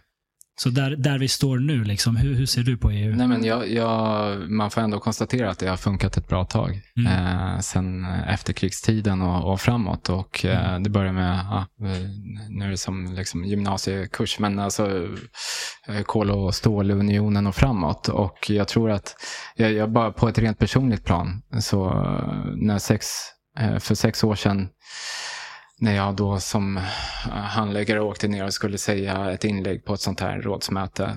Eh, och, och som jag var inne på innan, jag, eh, jag tyckte det var vackert. Jag tyckte det var vackert att det var, det var vi är 27 stycken där som, som liksom kommer med helt olika traditioner, rättstraditioner och, och kultur och språk. Mm. Eh, och till slut lyckas vi ändå komma överens om någonting som tjänar oss alla. Mm. Och och det, det fortsätter. Mm. Och jag tror att det kommer fortsätta ett bra tag för att det, det har eh, förhoppningsvis, i min mening, det har tjänat sitt syfte. Mm. Ehm, Och vad är eh, syftet? Det grundläggande syftet är att undvika ett nytt eh, framtida krig i Europa. Så som jag har förstått grundsyftet med liksom, eh, kol och stålunionen. Att bygga ekonomierna ihop så tajt och en gemensam inre marknad så att man inte vill ens eh, gå den vägen. Så att det inte lönar sig att kriga. Eh, precis, exakt. Mm. Ehm, och den tanken är fortfarande vacker i mina ögon. Eh, så, ehm, så att, eh, ja, vi får se åt vilket håll EU eh, vad heter det, utvecklar sig, men det finns, det Mm. finns länder som vill ha liksom, tajtare eh, och tajtare samarbete och vissa som kanske vill ha mindre tajt samarbete. Så Ja. det är ju alltid en, en vad heter det? Eh, En kamp Mm, mellan intressen. Men så är det ju alltid. Men, Mm. men det fina är ändå att till syvende och sist i, i det jag har sett, Mm. det är att människor och länder är villiga att kompromissa för att de Mm. förstår vikten av det, alltså slutresultatet blir bättre trots att det är en kompromiss som inte tar hänsyn till alla mina intressen. Men Ja. det tar hänsyn till 70 procent av mina intressen. Mm. Eh, och det är bättre än noll. Ja. Och det är bättre än 27 olika lösningar på ett gemensamt problem, som i det här fallet bristen på Mm. eh, transparens på kryptoområdet. För att om varje medlemsstat skulle göra sin egen grej, då Mm. skulle det leda till eh, liksom, eh, en ojämn spelplan och, och liksom, Mm, eh, mm. så. Eh, Och företag skulle behöva anpassa sig till 27 olika system. Mm. Så att det finns fördelar som alla ser, eller de flesta ser, och eh, på andra områden också. Mm. Så att, eh, nej men jag tror på idén. Mm. Mm. Och ehm, jag eh, önskar liksom EU-projektet all lycka framöver också. Så att det, Samma här. Alltså, det, vore ju, det vore ju fantastiskt om vi kunde få till ett globalt samarbete mellan alla nationer som öppnar upp handel och, och, och vad heter det, att människor får, får röra sig emellan och så. Men Mm. eh, det, det går när det är goda tider. Mm. Det är väl eh, som det alltid är med oss människor. Mm. I goda tider kommer vi överens med allt och alla. Mm. Problemet är när det vänder, Mm. när det är lågkonjunktur, Mm. när det är vad det nu kan vara, oli- olika typer av påfrestningar. Hur håller våra relationer då? precis. Ehm, Men, men där, eh, jag håller med. Och det, det är liksom i, som i mellanmänskliga relationer Mm. i övrigt också. Det, det, det testas ju i, tunder, i stunder av svårigheter. precis. Där ser man hur starkt bandet är. Eh, när det gäller EU, eh, alltså det, det har ju ändå varit ett antal kriser eh, som Mm. man har tvungen, varit tvungen att genomgå. Jag tänker på finanskrisen 08-09, Mm. nu med Ukraina-krisen. Alltså banden testas. Eh, Absolut. Så, så att det, det, det ligger en sanning i det. Att det är i stunder av svårighet som, som banden testas. Ja. Eh, Så är det. Du nämnde att ehm, det, det var en tuff tid under coronapandemin. Mm. Ehm, hur påverkade det ditt jobb och det du höll på med? Nej, men då, då gick vi ju från eh, ett samhälle med en helt liksom, fungerande ekonomi, allting var öppet, Mm. till att liksom, ekonomin i princip stängde ner sig själv och Ja. stängdes ner eh, på grund av de restriktioner som fanns eh, och som då man var tvungen att följa och det, det ledde till liksom, eh, ett behov av akuta åtgärder. Ja. Eh, och i mitt fall så gällde det företags likviditet. Eh, det vill säga de, hade, de fick inte in pengar för att hålla, för att hålla verksamheterna igång Mm. och betala löpande skatter och, och liksom räkningar etc. Just det. Så det vi gjorde då, det var att kolla på motsvarande eh, situation under finanskrisen 08-09. Och Mm. då fanns det en lag som eh, låg och sov, om man då säger, eh, sen den tiden som gjorde att man som företag kunde begära anstånd, heter det, eh, med skatteinbetalningar. Att man kan skjuta upp sina skattebetalningar för att på så sätt frigöra medel för att hantera ja, löpande räkningar etc. Att, att vem kan? Att, Ja, att företag företag- kan att företag kan, skatt? eh, precis. Okej. Mm. Mm. Eh, för att då få bättre likviditet. Ja. Och man kunde också, låt säga att du är ett företag och du har betalat in skatt för, eh, vad är vi nu, i, i december, nu är vi i juni. Ja. Låt säga att du har betalat in skatt i december. Då kunde du gå till Skatteverket och säga jag vill ha anstånd med min eh, redan inbetalda decemberskatt. Mhm. Då kunde du få det retroaktivt utbetalt till ditt skattekonto och på så sätt få eh, liksom en likviditetsförstärkning som, Okej. som, till ditt skattekonto som du kunde använda till att betala räkningar etc. Mm. Och, och det, eh, så vi eh, eh, återupplivade den här lagen från 2008-09 Mm. Och gjorde den applicerbar på liksom, pandemin. Eh, och det skulle då göras på några veckor och, och, och så. Eller en månad eller vad det nu var. Eh, och Ja. vanligtvis så en skattelag tar kanske cirka ett år att få på plats. Ja. Så det blev så en otroligt, för mig personligen, en otroligt lärorik period i liksom processerna på Mm. regeringskansliet och alla de olika steg som måste tas. Och det, det kom då på plats för eh, efter kanske drygt en månad om jag minns rätt. Mm. och det här systemet har sedan byggts på eh, för att hjälpa företag med likviditeten. Och sen fanns det ju andra, du vet, korttidspermitteringar eh, permitteringar och Mm. omställningsstöd och andra typer av stöd som också fanns. Vilken period var svårast? Ordförandeskapet eller det här? Eller corona? Jag skulle utan tvekan säga ordförandeskapet. Det är så? Eh, ja, eh, det går inte att jämföra för mig personligen med någonting annat. Eh, Pandemin, där, där var det som mest under mars-april 2020. Ja. Men det var ändå en jättebegränsad period. Ja. Här har det varit extremt mycket ett halvår. Mm. Eh, jag kommer ihåg en personlig grej som hände under mars 2020. Jag hade varit så, bort, eh, så mycket borta hemifrån. Så att min eh, fru ringde min telefonsvarare för att höra min röst. Åh. Eh, no. Eh, det säger väl en del om hur mycket det var då. Men eh, det har varit mycket nu. Men under en så här utsmetat över sex, ja. eh, mer än sex månader. För det har varit vad heter det, planeringsarbete också. Ja. Eh, så. Men eh, nu skiner solen och första juli så tar Spanien över. Så att, eh, vi, vi ser ljuset i slutet av tunneln nu. Skönt. Ja. Eh, nu när du liksom har varit, suttit på en podd i några timmar så kan ju din fru ta, ta rösten till ett AI och, och liksom Precis, generera nya Generera. ord och, och så. bara ha ett samtal. Liksom. Ja, precis. Ja. Ja. jätte, det känns jättemysigt. Ja. Jätte, så Betryggande. ja, jättebetryggande. Man kan säga ersätta sin man med en eh, AI. Jag, jag såg en så jävla sjuk video på vad det nu var, Instagram eller någonting. Att folk, folk gör så. De, Ja. de tar liksom folks röster Mm. eh, och sen använder det för att pressa ut deras anhöriga. Mm. Eh, då var det en kvinna som hade blivit uppringd av någon och så var det hennes dotters röst. Mm. AI-genererad, Mm. liksom perfekt Mm. kopia som Mm. sa att eh, hon blivit, blivit kidnappad eller vad det nu är. Ja. Ehm, extremt oroväckande. Extremt oroväckande. Och det, där är ju liksom, det finns, eh, med nya tekniker hela tiden Ja. så finns det ju eh, extrema fördelar. Det finns extrema potentiella nackdelar också. Och det här är ju verkligen en av dem. Eh, Mm. liksom, jag tror inte ens vi överblickar det i nuläget. Eh, så. eh, Jag, jag ska säga att den videon gav ett bra tips. mm.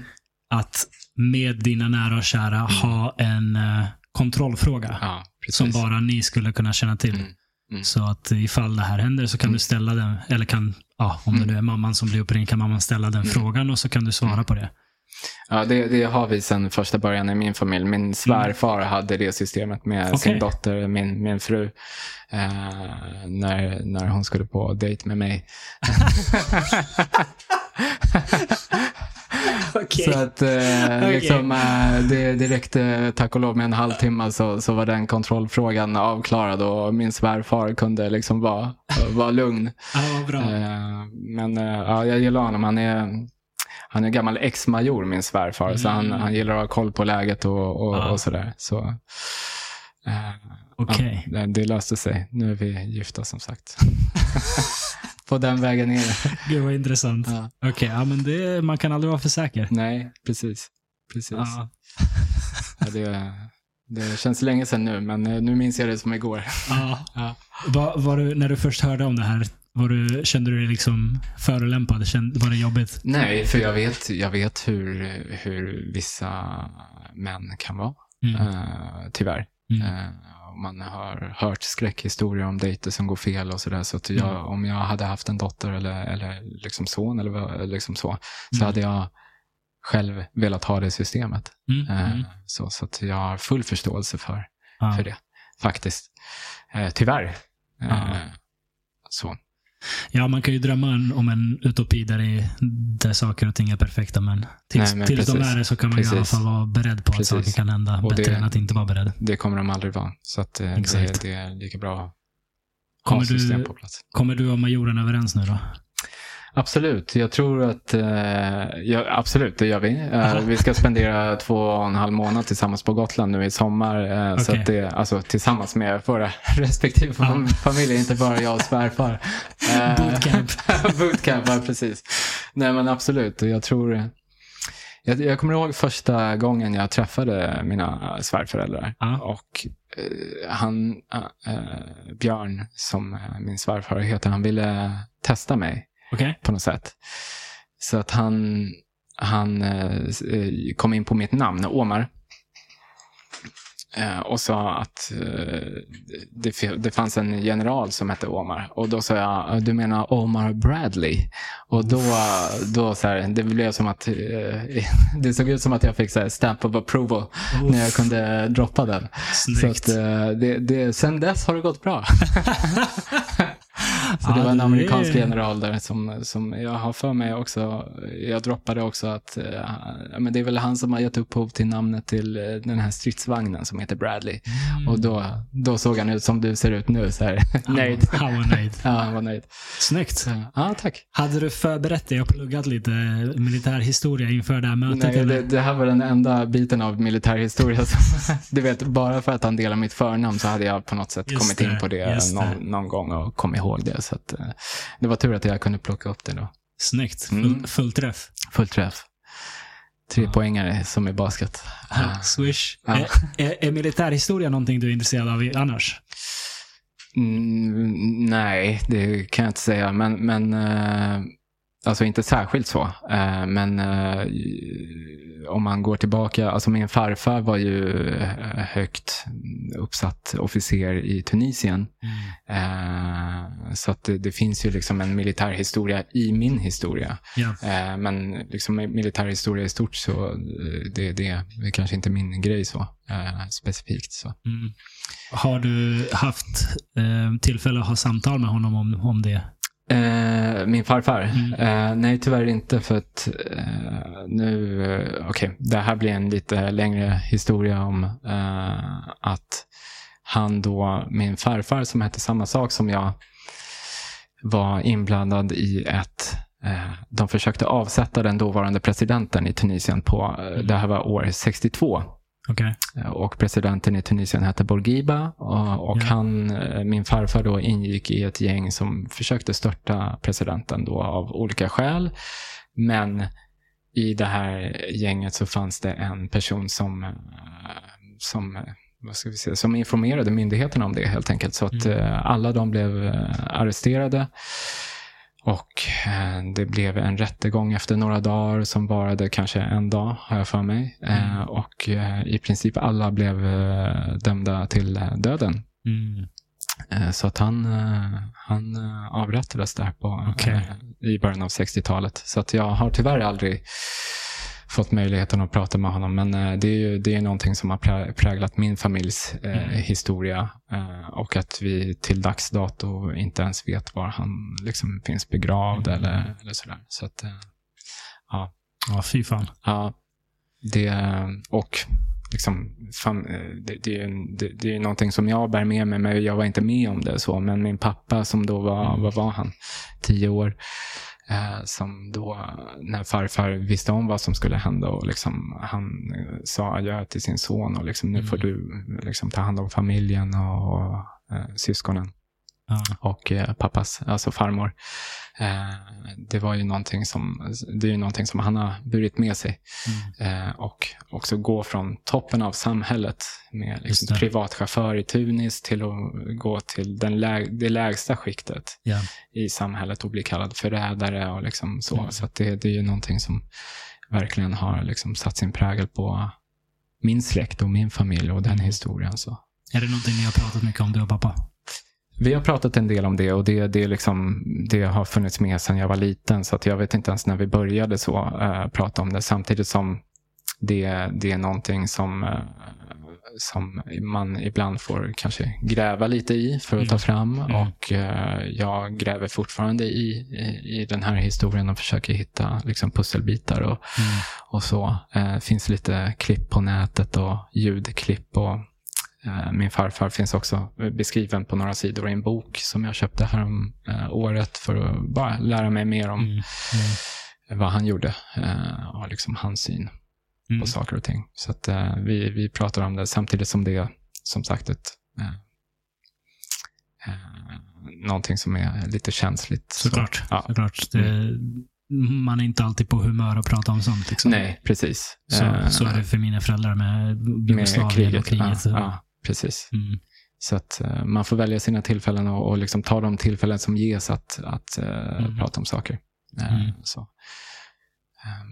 Kan rekommendera att spela in en podcast. Ja, precis. jag köper några jag mickar och drar ner till Tunisien. Och... Satte ner farsan och så ja. fick han berätta allt. Ja, precis. Ja. så.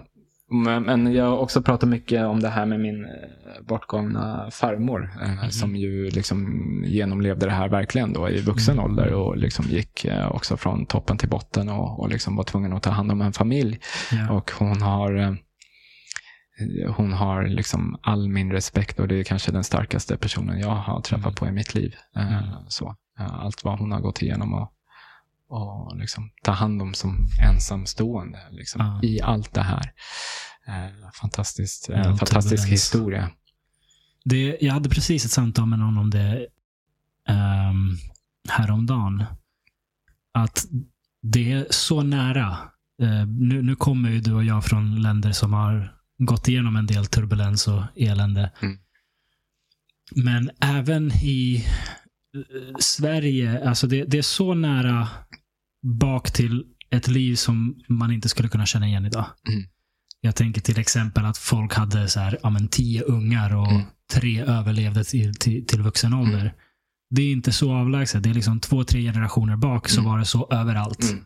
Och givetvis i vissa delar av världen så är det fortfarande så. Och, och i din och min del av världen är det väl kanske, har det varit ännu galnare mm. ett par generationer bak.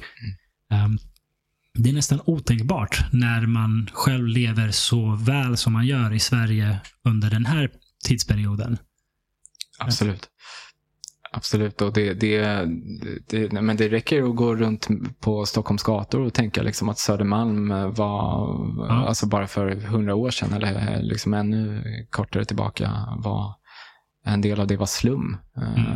Så. Ja, så det var det, en riktig no-go-zone. Ja, exakt. Mm. Precis. Eh, så att, eh, nej men, det, det, ibland tappar man historien. Mm. Och proportionerna på det hela. Och jag tänker, apropå tio, tio barn och sådär. Jag tänker på min mormor i Finland. Min mamma är från Finland. Hon mm. fick ju tio barn. Eh, bara liksom en alltså, ja, Mamma har eh, nio syskon. Så det, det, är bara för mig ja, en generation tillbaka. Nyligen. Liksom. Nyligen, mm. precis. Så att, eh, ja, det går snabbt. Jätteintressant. Och det, Eh, det där med att man tappar sin historia. Som den, jag, jag, tror, jag tycker det är så otroligt viktigt. Mm. Um, att lära sig om hur det är i andra delar av världen mm. och hur det har varit. Både i andra delar av världen men även här. Som vi pratade förut om det här med krig och elände. Mm. Uh, jo visst, det, det, är det. Men kolla hur det har varit. Precis.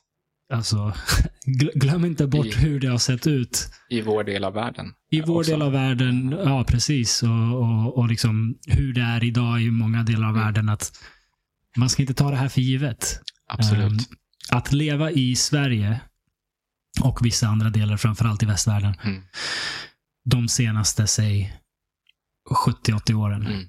Det är antagligen det bästa som någonsin funnits mm. på den här jorden. Mm. Mm, precis. Det är sant eh, och det är otroligt viktigt att komma ihåg det. Mm. Och eh, det, det, är en klyscha, men att inte ta det här för givet, det vi har här yeah. i Sverige och eh, liksom verkligen försvara det mm. när man ser saker som hotar det. Ah. otroligt viktigt. Och som jag sa, jag, jag har en koppling till liksom, nyligen upplevda saker i Tunisien och, och liksom de här första stegen mot demokrati som, som är så mm. otroligt viktigt att slå vakt om. Mm. Det, Det är viktigt. Eh, nu när du sa det, försva försvara det mot ja, diverse hot. Eh, så kommer jag att tänka på, jag har, jag har länge klurat på en idé jag har. Ja. Eh, för demokrati är något som inte är en självklarhet. Nej. Och demokrati är det bästa vi har kommit på eh, i, när det kommer till statsskick. Mm. Så det är någonting som vi behöver värna om. Mm. Och Jag har en idé om att om ett sätt hur man kan stärka eh, demokratin i landet Mm. och eh, vad ska man säga um, säkra det inför framtiden. Mm. Och det är någonting i, eh, som ett demokratikollo. Ja. Om, om jag börjar med den liksom långsiktiga visionära i bilden. Det är att säg ehm, hela landets 21-åringar till exempel. Mm. Alla får en inbjudan. Eh, Demokrati, inte kollo utan lumpen. Demokratilumpen. Mm. Det var det, var jag det jag, tänkte, jag tänkte fråga dig om det var lumpen. Ja, det var, Eh, det var lumpen. Ja. Eh, Att alla, säg 21-åringar, får en inbjudan till att vara med i demokratilumpen. Mm. Sen är det inte obligatoriskt, men Mm. efter, ett, mm, liksom efter några varv så hoppas man att det här blir lika institutionerat som eh, vad vet jag, som, som lumpen eller Mm. som, som eh, vad, vad heter det när man går på do, do, inte dop, Konfirmation. konfirmation. Mm. Du vet, det, det är bara en sån här grej som folk gör. Mm. Eh, Man tänker inte så mycket Mm. på det. Om tillräckligt många gör det så, så, så uppfyller det sitt syfte. Mm. Och så är man en sommar med till exempel er på, Mm. på uh, tjänsteman, tjänstemän inom um, riksdagen, regeringen. Mm. Mm. Går en kurs på några veckor där Mm. man lär sig hur det funkar. Så här Mm. funkar riksdagen, så här funkar regeringen, så här funkar de andra sakerna. Och sen efter de här veckorna med kurs så Mm. får man praktisera. Mm. Och då får alla de här 21-åringarna ehm, olika frågor Mm. som de ska jobba med som Mm. är riktiga frågor Mm. som riksdagen Mm. eller regeringen håller på med. Eh, och så får de några veckor på sig att förbereda i, i grupper vad de skulle vilja se ehm, ja, för lösningar på de här frågorna. Och sen presentera det till vem det nu är, riksdagen, regeringen. Ehm, och politikerna har såklart sista eh, Mm. tumme upp eller tumme Mm. ner. Mm. Men att det blir liksom institutiona- institutionaliserat att det är bra att ta in ungdomarnas råd. Precis. Så att det kanske ofta blir, i, i alla fall i vissa frågor, att man följer dem. Ehm, så att eh, ungdomarna även får en känsla av att de bidrar. Mm. Jag tror att det är det som är nyckeln. Att man, Mm. jag, jag tror väldigt, väldigt många i vårt land, ehm, inklusive jag själv, jag har ingen aning om hur det funkar med gatustädning. Mm. Jag har ingen aning om hur det funkar med avloppen. Mm. Jag har ingen Mm. aning om hur det funkar med någonting. Mm. Och någonstans bryr jag mig inte. Mm. Och det är inte bra. Mm. För det, det är jag som betalar det, Mm. först och främst. Mm. Och det är jag som liksom nyttjas av Mm. det. Mm. Ehm, och jag vill såklart att det ska funka när Mm. mina barn blir, Mm. mm, liksom, eh, blir till och blir äldre. Ehm, så, så jag borde bry mig om mer om min Mm. omgivning, mitt samhälle, än vad jag gör. Och jag tänker att någonting sånt här, någon sorts demokratilumpen, skulle kunna vara ett sätt att få folk att bli mer delaktiga, Mm. förstå sig på det först och främst. För Mm. jag vet inte hur Mm. saker funkar. Ehm, ehm, förstå sig på det, bli mer delaktiga och då också ha lättare att komma in till att en vacker dag kanske bli politiker. Eh, eller på något sätt engagera sig. I, i sitt samhälle. Jag, jag tror att du är inne på någonting, alltså verkligen gillar idén och liksom själva grundgrejen här tror jag är just det du är inne på, att öka kunskapen Mm. om hur systemet funkar. Liksom att vi lever alla i ett samhälle eh, och i det här fallet det svenska samhället och, det är av grundläggande vikt liksom att, man, att man förstår de grundläggande liksom, funktionerna i samhället för att eh, jag tror att det man, det man känner till, det bryr man sig också om. Ja, Eh, exakt. så.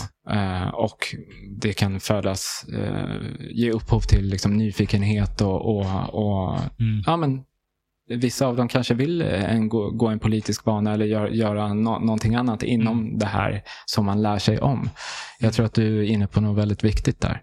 Eh, och jag tror att kunskapen bara, eh, jag tror att kunskapen kan bli, eh, måste bli bättre. Mm. Eh, och jag tror att alla skulle liksom gagnas av det Mm. också. Ehm, Jag tror det. sen, sen kan man ju vända på det hela Ja. och säga att låt säga att Sverige 2023-10, om 200 år, är en auktoritär stat och alla ska gå eh, liksom den regimens lumpen. Mm, mm, Då får man ju lite kalla kårar. Mm. Här är det för något, det vi anser är ett gott syfte. Eh, och det är demokrati och liksom, eh, eh, grundläggande funktionen i samhället. Hur funkar det? Mm. Eh, det är ju tyvärr någonting också som skulle kunna liksom vändas Ja. eh, beroende på vem som sitter vid makten. Eh, så så Ja. det gäller att slå vakt där också. Eh, Men det är väl just tanken med det att involvera folk på ett demokratiskt sätt för Precis. att förhoppningsvis minska risken för att det blir Exakt. att, det, Precis. att, dem, ja, att själva demokratiska systemen missbrukas. Ja. Men det där är, det, det är intressant det du säger, för jag, jag tror att det är människans öde. Det, Mm. det finns inget perfekt system. Det kommer aldrig finnas ett perfekt system. Mm. För att vi människor är så otroligt bra på att manipulera Mm. vår omgivning. Mm. Eh, både liksom den fysiska omgivningen och den abstrakta omgivningen. Mm. De system vi lever i. Så oavsett om det är kapitalism, eller kommunism, Mm. eller liberalism eller vad det nu än är. Mm. Har man det systemet tillräckligt länge så kommer vissa ibland oss ha förstått hur man manipulerar det Mm. till sin fördel. Mm. Mm. Och till sin familjs fördel. Mm. Och sina vänners. Eh, oavsett system. Mm. Och det är därför vi måste ha demokrati. För Mm. att byta system. Gå, gå liksom fram och tillbaka. Okej, nu har det varit vänsterpolitik ett tag. Då har liksom kommissarerna förstått hur, Mm. hur de missbrukar det. Mm. Eh, vi går till det, det, det Mm. kapitalistiska hållet och så Mm. kommer företagarna vi, li, lista ut hur man missbrukar det. Eh, så det måste pendla fram och tillbaka. Jag tror, tror inte det finns någon... Vi kommer aldrig komma ifrån det. Ja, nej, men det, är, det är intressanta tankar och viktiga tankar, eh, tror jag. Eh, oavsett så, liksom va, varje, varje steg som tas till en ökad förståelse och en ökad eh, liksom, inblandning eh, av alla sorters människor är av vikt, eh, tror jag. Eh, jag tror att det är otroligt viktigt. Ja. Mm. Är du optimistiskt lagd inför framtiden? Ja, eh, på det stora hela. Samtidigt som jag har liksom en, eh, jag skulle säga min största farhåga, det jag har eh, en typ av klimatångest. Jag tycker det är jobbigt att se. Jag, jag kan nästan inte se om jag kollar, jag läser ofta Guardian och eh, SVT och liksom när- jag, när jag går in på de sidorna och ser någon nyhet om någon smältande liksom, Mm. polaris så gör det eh, ont Mm. och eh, obehagligt. Och liksom, jag tänker på den framtid som vi lämnar till våra barn. Och hur kommer världen se ut om hundra år? Mm. Kommer det vara liksom, stora områden som är obeboeliga på grund av den utveckling vi har liksom, gett oss in på? Mm. Och som vi kanske inte tar som mänsklighet på tillräckligt stort allvar för att vi är människor och eh, du vet, eh, vi agerar inte förrän det är för sent ibland eller förrän vi ser liksom, okej men nu är det verkligen katastrof Ja, och då är det kanske för sent. oss själva Precis, På exakt. en direkt nivå. Så det, det är på den punkten som jag personligen ser, eh, så känner någonting starkt.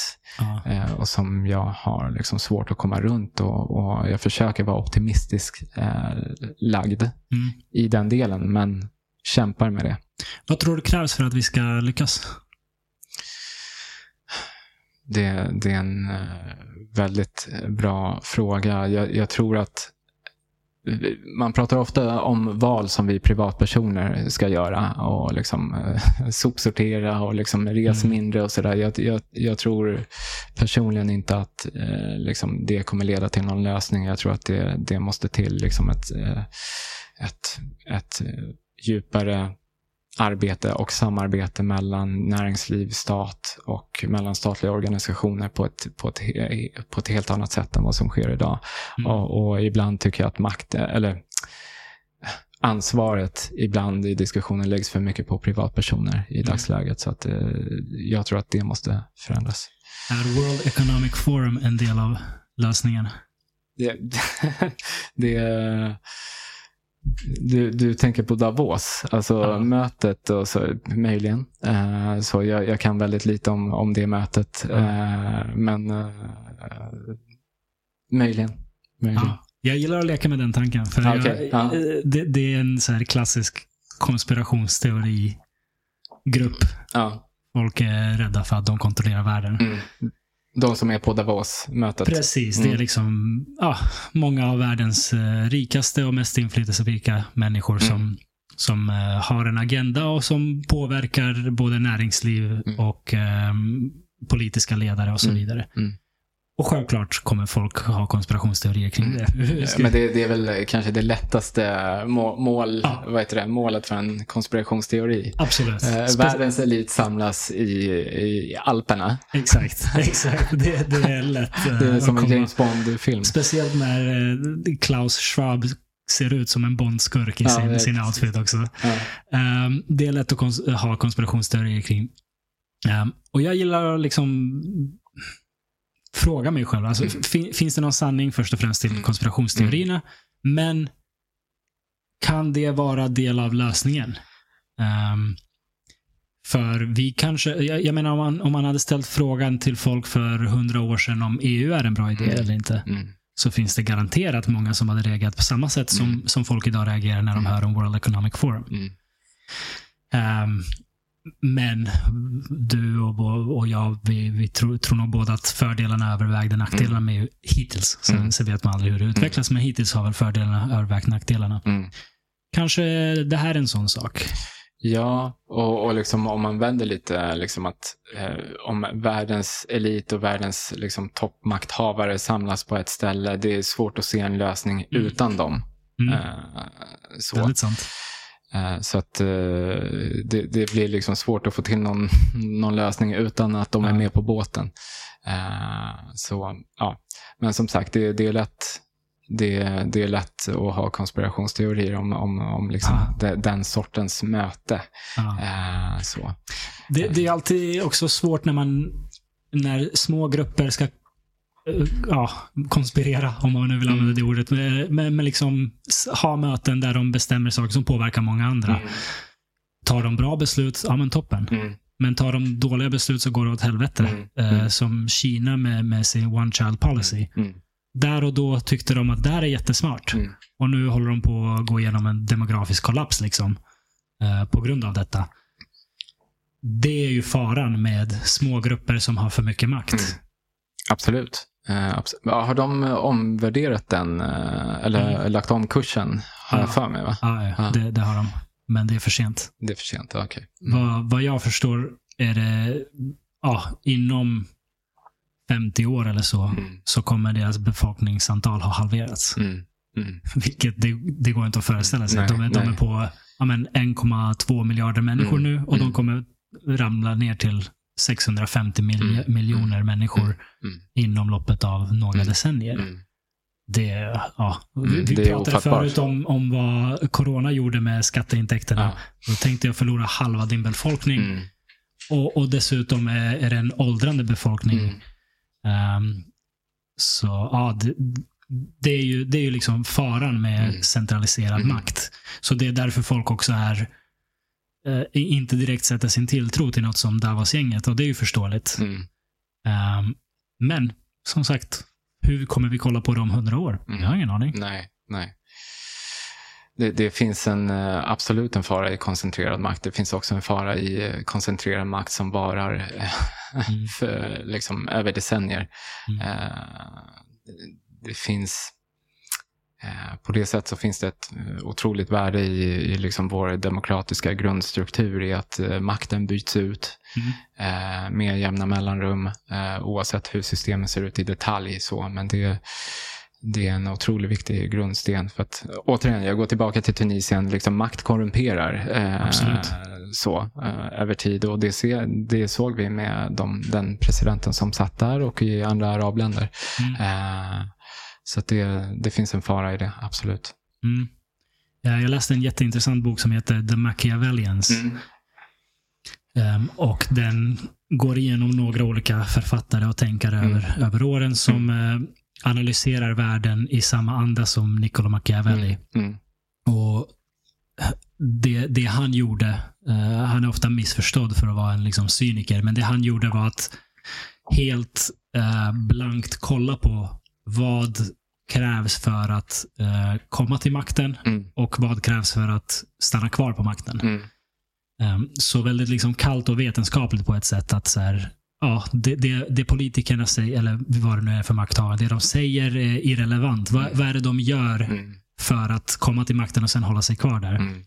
Och då pratar han om liksom hur mycket slughet och ambition och sådana där eh, saker som behövs. Är, är det därför han är missuppfattad som en uh, cyniker? För att han bara kallt och vetenskapligt beskrev vad som... Precis. Man, man, man använder ju eh, hans namn för att beskriva någon som utnyttjar andra för sitt, eh, ja, si- sina egna ändamål. Mm.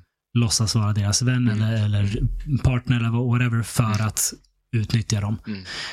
Och det är inte helt rättvist mot honom, för det han gjorde var att analysera makthavare Mm. och komma fram till att de Mm. gör det här. Mm. Så att sätta hans namn på det är lite, lite Mm. hårt. Mm. Så han är missförstådd på det sättet att man har tagit hans verk och förknippat det med honom. Mm.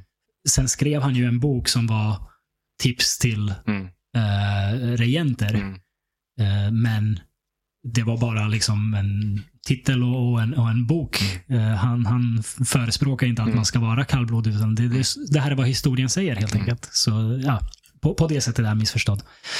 Ehm, men i den boken, då går han igenom, eh, det, det är inte hans bok, det är, jag kommer inte ihåg vem som skrev The Machiavellians, men författaren går igenom flera olika författare som eh, analyserat världen i den, Mm. i den andan. Och en av sakerna som fastnade med mig som jätteintressant är ett samhälle mår som bäst när det har en eh, maktelit som byts ut relativt, på, på, i ett bra tempo. Mm. Mm. Inte för fort, inte för långsamt. Nej, precis. Tar det för lång tid, då blir det liksom korruption Mm. och, och elände. Går det för fort, ja men det är revolution och då Mm. har man ingen aning vad som kan hända. Mm. Då, då kan det liksom gå åt helvete. Um, så det, det var ett intressant, intressant sätt att analysera det hela Mm. på. att det, Man måste ha en maktelit. Mm. Det går inte Mm. annars, för Mm. det är så vi människor Mm. funkar i, i samhällen. Mm. Men den får inte vara kvar för länge. Den Nej. måste, det måste finnas utrymme för nytt, nya tankar, nya idéer. Precis. Och, och också om det, det är för kort tid så hinner ingenting göras. Mm. Eh, så om jag går, går tillbaka till våra lagförslag som vi lägger, liksom bara lagförslaget i sig som sagt tar ju ett år. Eh, och mandatperioden här i Sverige är fyra. Eh, Mm. Det tar tid att liksom sätta nya reformer på plats och, och så. Om det har kortare tid än så så hinner, hinner ingenting göras eller förbättras heller. Ja. En annan reflektion är missför, vad heter det? att folk har missförstått Machiavelli. Då har också Tupac missförstått eh, Machiavelli. Han kallade sig Machiavelli i, i, i slutet och liksom tyckte att det var balt eh, eller Ja. någonting. Eh, är inte det för att han fejkade sin egen död? Var det det? Machiavelli. okej. Jag tror att det Okej. var det. Och han var väl den Det första som gjorde det och blev känd för det. Ah, Att han fejkade sin egen död och... Ja, okej, jag Tupac, you, you got me. Okej, du, du vinner Tupac. Jag, jag tror det. Jag vet. Det, det är i alla fall... du Det, outsmartade det, mig. det var det första jag fick höra om Machiavelli. Att han, han fejkade sin egen död. Okej, okej, okej. Eh, Så det var det första... eh, ja, det, det är han också känd för. Ja, Mm. Eh, Tupac alltså, vilken kille. Han, eh, han, ja. Vi, vi snackade lite om det. Jag frågar ju mina gäster topp tre rappare. Ja, just det. Eh, och eh, ja, du, du hade lite reaktioner på, på en, en av mina vänners eh, listor. Nej, men all respekt för liksom vad andra tycker och så. Jag, vi, vi snackade om, eh, det var någon, förlåt att jag inte minns ditt namn, men det var någon tidigare gäst här som nämnde Ludacris som, eh, som Ja, en eh, var, topp det tre. var Asim Kanker, en av mina första gäster. Ja.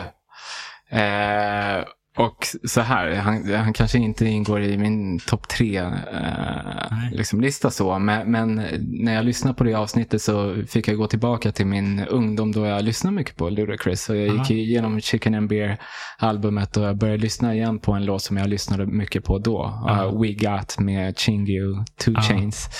Eh, så att, eh, tack för det. Eh, så jag har lyssnat på den, eh, vad sa jag, 25 gånger sen, sen, sen det avsnittet. Så att, det, det gav mig, jag reminissade där. Eh, men jag skulle säga, jag kanske inte har topp tre. Alltså min topp ett är Tupac. Eh, sen, ja, alltså jag kommer ihåg eh, första gången jag, jag lyssnade på en låt från Tupac. Ja. Det var i högstadiet och till musiklektionen så skulle varje elev då varje vecka eh, ta med eh, ett, ett spår, liksom en låt som man skulle spela upp för, för eh, sina kompisar. Och du tog med Hit 'em up.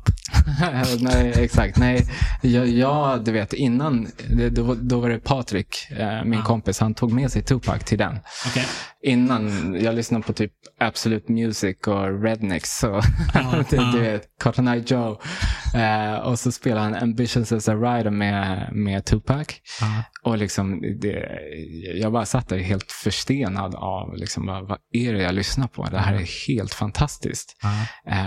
Eh, minns det som igår och liksom den här basgången och liksom när Tupac kommer in med sin liksom profetiska rapröst som han har, som bara han har i mitt tycke. Eh, eh, därefter jag var såld på hiphop i stort och Ja. liksom Tupac eh, i synnerhet. Så topp tre är Tupac, Tupac, Tupac. Förlåt att det, det är apropå klyschor och sådär. Men det var, alltså, jag vet inte vad jag ska säga. Det är så här, han, han eh, bleknar aldrig för mig. Ja. Eh, sen Notorious, han var också bra. Väl, typ. Folk brukar säga det. Folk brukar säga... Jag, jag har aldrig gillat Notorious. Nej, alltså... Ja, Eh, Han har teknik som satan, men jag, det är inget jag har lyssnat på jag mycket. Jag, texterna är väl inte... Jag vet inte. jag, det, tycker, det inte... jag tycker att man hör hur tjock han är. Okej. Det, det låter som att han Det knappt bra. tar sig igenom varje andetag. Ja, det, det kan finnas en skärm i det också. Liksom att, eh, han, han har, jag håller med om tekniken, Ja. eh, Notorious. Eh, Ja. Däremot, liksom, mm, alltså, Tupac, han hade också en mystik Ja. i, i sina texter so, som jag gillar och en liksom, heter det? Eh, mytisk karaktär nästan ja. mot slutet. Eh, som jag fastnade för också. Eh, så att, eh, ja. Eh. Lyssnade du på honom redan innan hans död? Eh, 96 var det han dog, tror jag, va? I- Ja, nu ska vi se. Ja, det gjorde jag. Men, men han, jag tror han dog precis när jag, liksom i början där. Mm. Eh, och Okej. liksom, jag och min brorsa grämde oss över att vi, vi aldrig kommer få se honom live. Och, Ja. du vet, så vi var bara småttingar, men vi tänkte ändå i de banorna. Men sen, du vet, nej, men kanske lever han.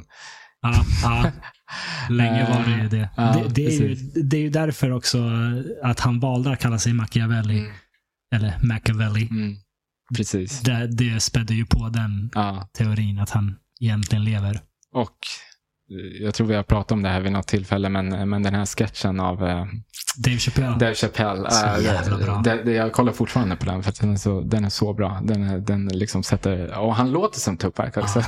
det är helt fantastiskt. Say the hardest song I ever wrote in 94. Fantastisk Alltså hela Dave Chappelle show Ja, är fen- fenomenalt. Ja. Fenomenalt. Precis. Så att, eh, nej men sen eh, vad finns det mer? Hiphop, det, det är liksom, eh, jag, jag har kanske, nu låter jag gammal men jag har lite svårt för de här nya. Mm. Eh, några som jag har gillat mycket över åren, Clips eh, gillar Mm. jag och, och lite sådana här. Det ska vara, eh, i, i mitt tycke, den enklaste eller bästa hiphop-låten. Det är en pianoslinga i bakgrunden Ja. och sen bara så här, tungt ljud och en profetisk Tupac-röst över det. Då, Ja. då har du min hiphop-låt. Ja. Eh, Jag, jag gillar också enkla beats. Fast det är klart, det är också nice när, när det är något riktigt fet bas. mm, Dead prez. eh, Absolut. Hiphop. ja, ja, ja, nej, men det, det är precis. Ja. Och bland, bland dem på senare år så kanske ja, Kendrick Mm. gillar jag mycket. Så. När, eh, när du lyssnar igenom To Pimp a Butterfly av Kendrick Ja. och så kommer slutet där han eh, har en dialog med Tupac. Mm. Hur, hur, hur kändes det? Gav det? Alltså, Rysningar, eller? eh, Det är precis. Eh, rysningar, liksom. Det, det, jag har alltid känt nästan Kendrick som liksom eh, på något sätt arvtagaren. Ja.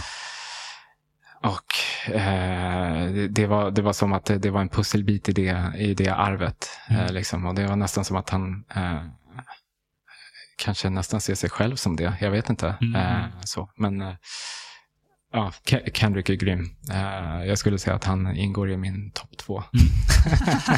Bra. Ehm, om det här, den här när han pratar med, med Tupac i slutet av sitt album, det är alltså en sketch där de har klippt in ljud från en gammal Tupac-intervju och så är det istället för intervjuaren så är det Kendrick som ställer frågor till honom. det här var ju innan AI. Ja. Nu kan man ju göra det där med AI. ja. Och jag, du har säkert hört liksom alla de här låtarna som görs helt och hållet av AI. Nej, faktiskt inte. Det var en av ehm, eh, The Weeknd och Drake, Ja. tror jag. Eller var det två separata? Jag kommer inte ihåg. Men hur som helst, det var någon Drake-låt, det var någon Weeknd-låt Mm. som smällde upp. Alltså folk trodde det var de på riktigt. Mm, Den, mm. Det blev en hit. Mm. Uh, visade sig att det var helt liksom AI-fabricerat. Mm. Men det låter som dem. Mm. Jag tycker det är ett, otroligt in, intressant område. Mm. För om du, om du matar ett AI med all Tupacs musik, Mm.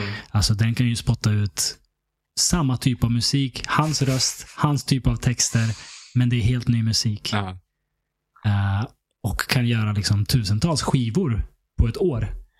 Och kombinerat med du vet, eh, de här ABBA-hologrammen. eh, Ja. Så man tar AI-musiken plus hologrammen. Då kanske jag och brorsan kan se Tupac live. Exakt. en dag. Skulle du göra det? Alltså, hur, Jag skulle hur känner du kring det här? Nej, men jag, skulle, jag skulle absolut eh, du vet, blunda eh, för alla tveksamheter kring det och bara Ja. gå och ha en bra tid, eh, en stund eh, och se på det. Det hade jag gjort. Att det var intressant. Ja. Alltså artister Ja, kan ju leva för evigt på det sättet. Mm.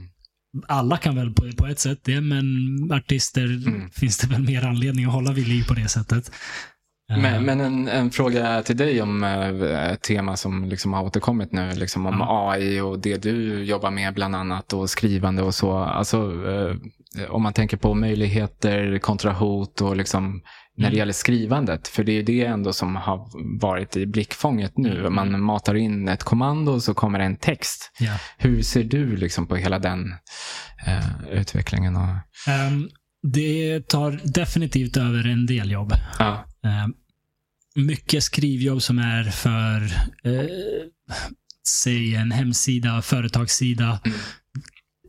Många texter är ofta skapade bara för att boosta ens eh, ratings på Google. mm, mm, Den typen av texter som ingen ändå läser. Mm. Varför ska en människa skriva det? Mm. Så mata in det i, Mm. i liksom ChatGPT och, Mm. och, och låt den spotta ut en text.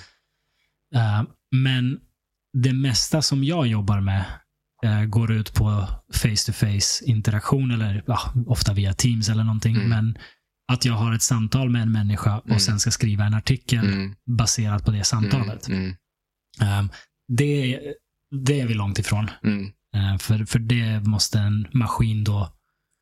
För, först måste ju människan som ska prata vill Mm. vara bekväm med att berätta Mm. sin story för en maskin. Mm. Sen ska maskinen också känna igen de här mänskliga nyanserna, kroppsspråket och, och allt vad det är. Och visst, det kommer säkert hända, men vi är inte där än. Eh, så jag, jag är inte orolig för, för liksom mitt, mitt jobb. Eh, men jag tror att många testar det nu, mm, för att det är en billig lösning. mm, Men jag tror att många också ångrar sig nu. mm. Eh, för den, Alltså beställare, alltså företag. precis, Ja. beställare, företag, de, de kanske testar det här. Mm. Eller, eller kanske eh, snarare byråerna, skrivbyråerna Mm. som, som företag går till. Mm. De, de kanske testar det här Mm. verktyget. Mm. Men ser ganska fort att det är inte riktigt där än. Mm. För det här verktyget det, det plockar ihop texter från en massa olika källor Mm. och sen skriver en, en egen version. Mm. Uh, och det har ju folk redan gjort studier på att Mm. det är fyllt med lögner. Mm. För den, den, dess jobb är inte att hitta sanningen. Dess jobb är att sätta ihop ord på ett logiskt sätt som funkar som språk. Mm. Um, och det gör den ju utomordentligt. Mm. ChatGPT är fenomenalt. Mm. fenomenalt. Mm. Men ställer du frågor eller liksom ber du den skriva en text och så bakar den in en massa lögner Mm. i, i den texten. Um, det, är ju, det är ju livsfarligt. Det kan ju leda till alla möjliga Absolut. problem. Absolut. Um, så jag tror att många testar det nu Mm. och därför är efterfrågan på mina tjänster Mm. Eh, lägre. Mm. Men jag tror att man ganska snabbt kommer komma till Mm. att usch, ja, vi är inte Mm. riktigt där än. Mm. Det här är farligt. Vi kan inte förlita oss på det. Eller så måste vi göra väldigt mycket handpåläggning efteråt själva och då är det lika bra att ta in en skribent. Och vi är inte där längre och vi är kanske ännu längre ifrån att eh, liksom AI producerar skönlitterära verk som, som vi som människor och, och li- liksom läsare kanske köper. Mm. Eh, Jag tror vi är eller- närmare det. eh, Okej, Ja. all right. För just skönlitteratur, där spelar det ju ingen roll att det är Nej. fabricerat. Mm. Det är, det är, så jag tror, jag tror det kan skapa väldigt bra skönlitteratur. Mm. Vissa hävdar ju att när man lä- läser en AI liksom producerar skönlitterär text så, så Mm. det, det krävs, eh, det, det vi har varit inne på tidigare, en människa liksom bakom för, för liksom, det krävs Ja. en mänsklig erfarenhet för att få ner, någonting som är själfullt på papper. Mm.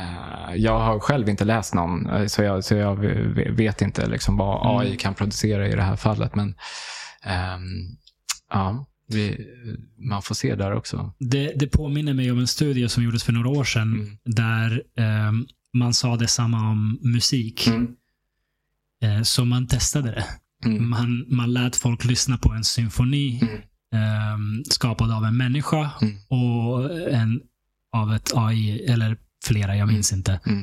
Men det visade sig att nej, det, det som AI gjorde, liksom, folk gissade att det var det som Mm. var människans Mm. och, och de Mm. kände mer av det.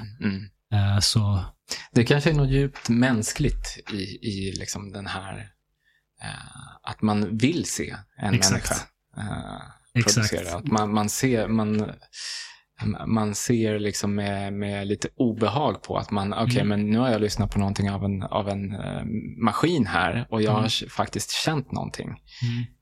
Ja, det, Möjligen obehagligt. något obehagligt i det. Och Ja. att liksom, Definitivt. man, man lägger in det i det jag sa tidigare, att man kanske vill eh, se en människa bakom ett sjö- alltså, konstverk av något slag. vi vill ju tro att vi är speciella. Mm, precis. Eh, Precis, jag tror att det är det som är grejen. Jag tror Mm. att det, om vi tar bort liksom Mm. det, då kanske vi inte känner oss speciella längre. Mm. För att den här maskinen kan göra saker kanske till och med bättre i vissa avseenden. Ja. Och okej, vad innebär det för, för oss och vår självbild? Mm. Jag, får, jag får chills, jag får gå, gås, gåshud nu. ja, Eh, är vi speciella? det, det tror jag. Jag tror på något sätt att vi är mer än eh, den kropp vi är. Mm. Eh, jag tror att vi har liksom eh, någon sorts liksom, sinne utöver det vi ser. Mm.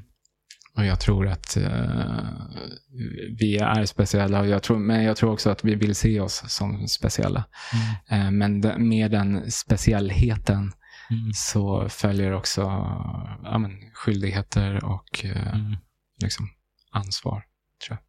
Mm. Ja, det är väl det precis.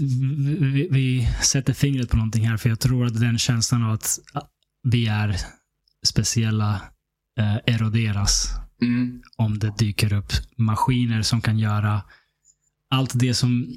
För, för det är en sak att göra, eh, säg eh, automatisera en fabrik, Mm. sätta ihop kartonger. Mm. Ja, det är inte vad som gör oss speciella.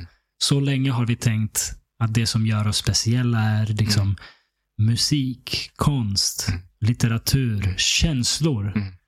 Och sen kommer ett AI och skapar en symfoni som får oss att känna mycket mer än vad Mm. det mänskligt skapar. Mm. Vad, vad betyder det? Är maskinen speciell? Är, den, är maskinerna mer speciella, bättre på liksom Nej, men, hålla på med känslor än vad vi är? Precis. Och, så, och sen så här, bara, så här, om jag går på ett personligt plan, liksom att eh, eh, nu i sommar så ser jag fram emot att, att ta upp eh, skrivandet igen och liksom, eh, jag kommer sitta ner på bibblan och sitta i flera timmar och liksom försöka få ner något på papper och sådär.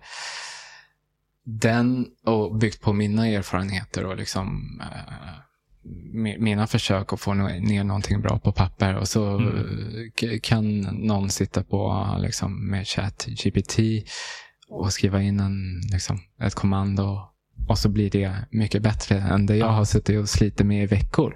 Ja. Det är klart att det, det sätter spår Ja. i mig och i mänskligheten i stort. eh. Liksom, eh, liksom Men tänk så här. Ehm, för, säg 30 år sedan så uh, satt en arkitekt och ritade ett hus för hand. Mm. Med, med liksom alla linjaler och, och vinkel, vad de nu heter. Jag, Mm. jag kan Mm. ingenting om det här. Mm. Men ritade allting för hand. Mm. Och sen kom datorer. Mm. Och folk kunde rita liksom Mm. perfekta ritningar på, på några minuter Mm. som tidigare tog Mm. eh, timmar eller veckor. Eh, de arkitekterna, old school-arkitekterna, Mm. kollade antagligen på de som gör det i datorn och sa att det här är inte på riktigt. Liksom. Mm. Det är klart att det där strecket blir perfekt. Det är en dator som gör det. Mm. Men det finns ingen själ i det. Idag skulle ingen någonsin säga så. Det är klart att en arkitekt ritar i en dator. Ritar i Mm. 3D-modeller. Det, Mm. det är Mm. standard. Det här kanske bara är det. Men det, det finns ändå, tycker jag, en grad i liksom, hjälpmedlet här. Liksom, Mm. Om jag tar liksom extrem, tycker jag. Alltså om man tar extremfallet, så här, skriv eh, eh, brott och straff. Mm, Eh, mm. och så gör, gör liksom, eh, datorn det. Det enda du som människa har gjort då, det är att skriva in den här eh, första kommandot. Eh, Mm. I arkitektexemplet så är det ändå liksom arkitekten som med hjälp av datorn fixar liksom huset i sig. Eh, till stor del. Det är liksom den idén, den grundidén som finns, den, den kommer visserligen perfekt liksom, med raka linjer och så, men det är själva grundidén som ändå kommer ut på, liksom, på andra sidan. Jag, jag tror att det är mycket närmare Mm. ChatGPT-lösningen. Ja. I mycket av eh, arkitektvärlden Mm. också. Att man, Mm. man skriver in ett kommando, Mm. dra ledningarna, Mm. De här tre våningarna, Mm. undvik de här Mm. områdena. Mm. Och så gör den det Mm. med AI. Med mycket bättre liknelser och liksom, eh, meningsbyggnad än vad man själv kan komma. Och det, det, det är där. Jag, jag tror att det, Ah. det liksom stör mig på ett grundläggande plan. Liksom. Ja, ja. Eh, och jag, jag vill ändå tro, eh, kanske något romantiskt på att det finns eh, någon, sorts, eh, någon sorts värde i det mänskliga. eh, Mm. och det, det mänskliga arvet och erfarenheten. Mm. Eh, och om vi går ifrån det och resultatet må hända blir sämre, alltså rent liksom objektivt, men jag skulle nog hellre ändå Ja. läsa en skönlitterär bok av en människa Ja. än en bättre bok av en AI. Eh, Än så det, länge. än så länge. Men det är min romantiska sida. Eh, Ja. Så. Eh, Mm. Du får ge robotarna en chans. Alltså vill jag det? Jag vet inte. Jag får kanske göra det. Kanske. Eh, Nej, det, är ju, det är ju lite läskigt. ja, Alltså gillar man det. Vill absolut. man ha mer. Ja, Ja, precis. Slutar man Men så här, läsa mänskliga jag, författare jag, helt jag och skulle gå in och liksom aktivt ogilla det från början. Liksom. Ja. Men sen kanske jag inte kan värja mig för att det är en jättebra, liksom, ja. det bara flyter som, eh, som Dostojevskij eller Proust liksom, när man läser det. Man bara, Ja. "Vad- är det här för något? Eh, Ja. Och, och då kanske jag också skulle bli rädd faktiskt. eh, Ja. För, för vad det här kan, kan producera. Nej, det, är- det är väldigt eh, obehagligt på den fronten. Mm. Ehm, Okej, så topp tre rappare var ingen bra fråga. Vi, vi går till topp tre författare istället. Oh, det gillar jag. Mm. Alltså, det, det var en liknande liksom, utveckling där. Jag läste typ så här, förlåt Jan Guillou, men jag läste Jan Guillou, så här, ha, Hamilton, serien och Arn innan. Så. Ja.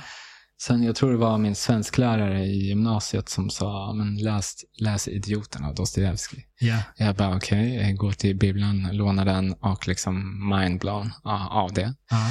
bara plöjde Dostojevskij. Eh, det, låter klyschigt, men så var det och jag älskade det.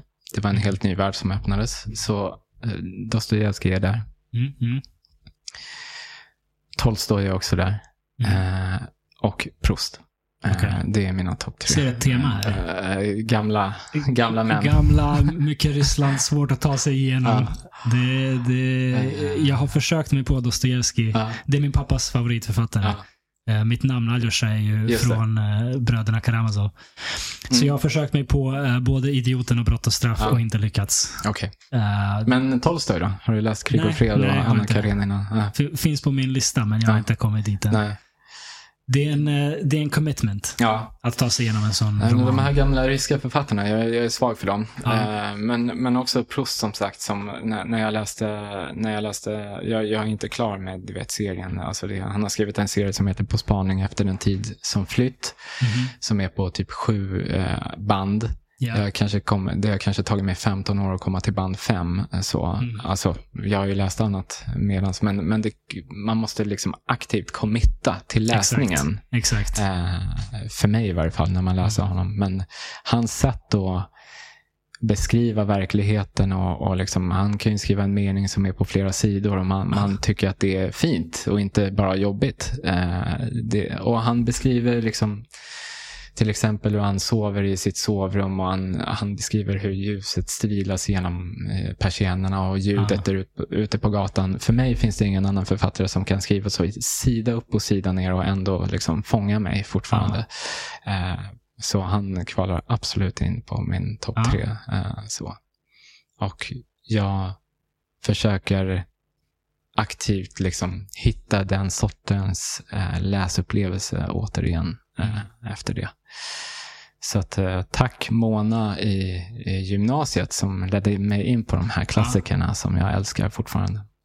Är det skönlitteratur som har varit din grej alltid, eller? Ja, det, det har varit min grej. Eh, Mm.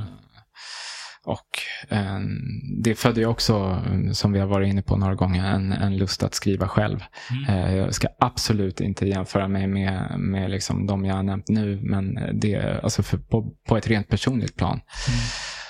Eh, att det finns en magi i att ha en idé och sen försöka få ner det till någonting läsbart på papper. Eh, och eh, bara lämna allting bakom sig och bara kliva in i den världen. Eh, och det är jag också tacksam för att de och läraren Mona har, Mm. öppnade Men- för mig. Men var inte för uh, självkritisk. Med ChatGPT så kan du vara Fjodor Dostojevskij. Tack. Oh my god. så istället för, du vet, jag sitter där på bib- bibblan i sommar, jag skriver in lite kortkommandon i chatt och så, så kommer det fram. In the style of Dostojevskij. Nej, Inga problem. Exakt. Ja, shit. Alltså. Ja, rädda mig från samtiden och så. Ja, det... det Men då, då kommer vi inte, så här, om jag gör det, ja. då kommer jag inte få den här du vet, transliknande upplevelsen. Var, var, var, var finns den i det här? Den finns ju inte där. Jag får inte bra. den när jag skriver in kortkommandot. Liksom. Nej, det är en bra fråga. Ehm, jag misstänker att det kommer födas på något annat sätt. Mm. Precis som det här med arkitekten som ritade för hand förut och nu med dator. Vi kan inte förutspå idag hur det kommer utveckla sig. Mm. Men jag misstänker att de här verktygen kommer, bli, kommer användas mer och mer. Mm. Och den där eh, härliga upplevelsen kommer förflyttas till någonting annat. Jag vet inte. Löpning som en AI gör för mig. Exakt. Jag sitter i soffan medan, ja, ja, VR. exakt, Googles senaste Ja, glasögon. ja. Eh, Eller om det var Google. Det är Apple. Google. Apple släppte, Apples- Apples släppte den senaste, precis. precis. Ja. Eh, inte omöjligt. Jag har ingen aning. Nej. Det är svårt att säga, men jag, jag tror generellt att vi, de flesta av oss känner som du. Mm. Vi, vi värderar det mänskliga och vi vill bevara det mänskliga Mm. på ett sätt eller ett annat. Mm. Så jag tror inte att de här sakerna kommer utplåna det. Eh, De kommer förändra hur vi gör det. Mm. Vi kanske kommer ja, vi kanske kommer liksom använda dem för att skapa musik eller eh, litteratur tillsammans med dem och göra det effektivare. Mm. Ehm, eller så kommer liksom de göra allt tråkigt jobb och vi kommer bara hålla på med massa Mm. roligt kreativt. Mm. Det, det är svårt att säga, men, men vi kommer ju inte sluta um, sukta efter det mänskliga. Nej, precis. Och, och liksom bara en, en eh, kommentar till där. Det är liksom att eh, det här mötet vi har nu mellan mänskligt och liksom alla möten vi har med människor och så. När vi, eh, för mig i varje fall och för många människor, när, när man tar del av ett verk, ja, låt vara om det är en roman. Mm. Det är ett möte mellan läsaren och författaren. Mm. Och det finns ett värde i sig för mig att jag vet att det här mötet sker med en människa på andra sidan som har suttit Mm. och skrivit de här med en kamp och den erfarenhet och liksom allting som det innebär att få ner de här orden eller Mm. de här eh, tonerna.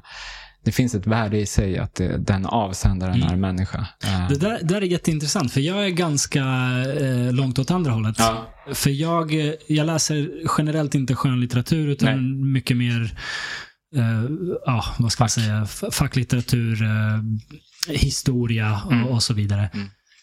Och jag har ofta, jag, jag vet vem nam, namnet på författaren, Mm. men det är ungefär allt. Mm. Och, och, Ofta kan jag till och med glömma bort vem, vem skrev den där boken. Mm. Men jag vill komma åt idéerna och tankarna och, och liksom mm. perspektiven. Det är det. Mm. Självklart, ibland är det ju viktigt vem författaren är mm. av den anledningen också. Men generellt eh, kan jag läsa en hel bok och det är totalt irrelevant vem författaren är. Mm. Jag, jag, jag vill lära mig mer om ett visst tema och ja, förstå mig på säg Tunisiens historia mm. eller vad det nu må vara. Mm. Um, så jag är mycket mer åt andra hållet och då kanske jag är mer mottaglig för andra vägar än att det är en människa mm. som har skrivit det. Absolut. Absolut. Och det, det finns Ja, som sagt, det, det, finns eh, både för och nackdelar med, med mm. liksom varje ny teknologi som kommer. Så har det alltid varit sedan, sedan tidernas begynnelse. Liksom. Man sa säkert mm. saker om hjulet när det kom och elden och mm. när man, grottan kan brinna ner eh, ja. av den här brasan etc. Så att, eh, eh, ja, för och nackdelar. Man vill ha det mänskliga i att äta rått kött. Liksom. Ja. Ska jag på och steka eller grilla köttet? Och ja, på med. Precis, precis. Nej, men för, för mig, men det, det, kanske, är, det kanske är liksom olika viktigt beroende på liksom eh, vilken typ av, av produkt eller vad det nu är vi pratar om. Mm. Jag tror att för mig hade det också varit mindre viktigt att avsändaren är en människa om det rör alltså icke skönlitteratur. Mm. Om, om det rör ja, men hur funkar ja, men Tunisiens historia. Eller, alltså, mm. Om jag vill lära mig, mig mer om uh, Tunisiens historia, mm. då spelar det ingen roll för mig om det är en människa eller AI faktiskt. Um, om det är ren, ren fakta. Så, så att, ja, men fan vad obehagligt. I, I och med det vi snackade om förut, att de ljuger. Ja, precis. Alltså det, det, här, det allt, det här, allt det här under förutsättning. Jo, jo, absolut. Ja. Men, men där finns det ju jag vet inte, vi, vi, vi väl, uh, har väl uh, någonstans i blodet lite källkritik och sådär. Så man tar ja. allting med en nypa salt. Ja. Men jag vet inte vad det där saltet skulle vara Exakt. I, i, gentemot en AI. Ja. Liksom, vad, vad har den här uh, maskinen för liksom, mm agenda eller, agenda mm. eller vad för bakgrund. Liksom. Ja, en människa kan man kolla upp och säga att ah, den här personen är väldigt konservativ eller liberal. Ja, precis. och då applicerar man det filtret på det. Men mm. vad, vilket AI-filter ska jag applicera? Det är ju, det är en helt ny fråga som, ja. som kommer då. Eh, så, så att, eh, ja, svårt. Spännande tider framför oss. Mm, så är det. Verkligen. Uh, vad sägs om att vi börjar avrunda? Absolut. Det, det, det har varit superkul ja. att vara här. Djupt snack. AI, AI liksom geniuses sitter här och spekulerar. eh, men vi får se vad framtiden bär med sig. Liksom. Ja. Eh, så. Eh. Verkligen. Nej, vi, har, vi har täckt en hel del, högt och lågt. Jag är jättetacksam för att du ville ta dig tid och sitta och prata med mig. Absolut, det har varit ett nöje och en ära att vara här. Hoppas, eh, hoppas det blir fler, fler sittningar. Absolut, det ser vi fram emot. Grymt. Eh, tack så mycket och eh, tack till dig som har lyssnat. Vi hörs nästa gång. Ha det fint.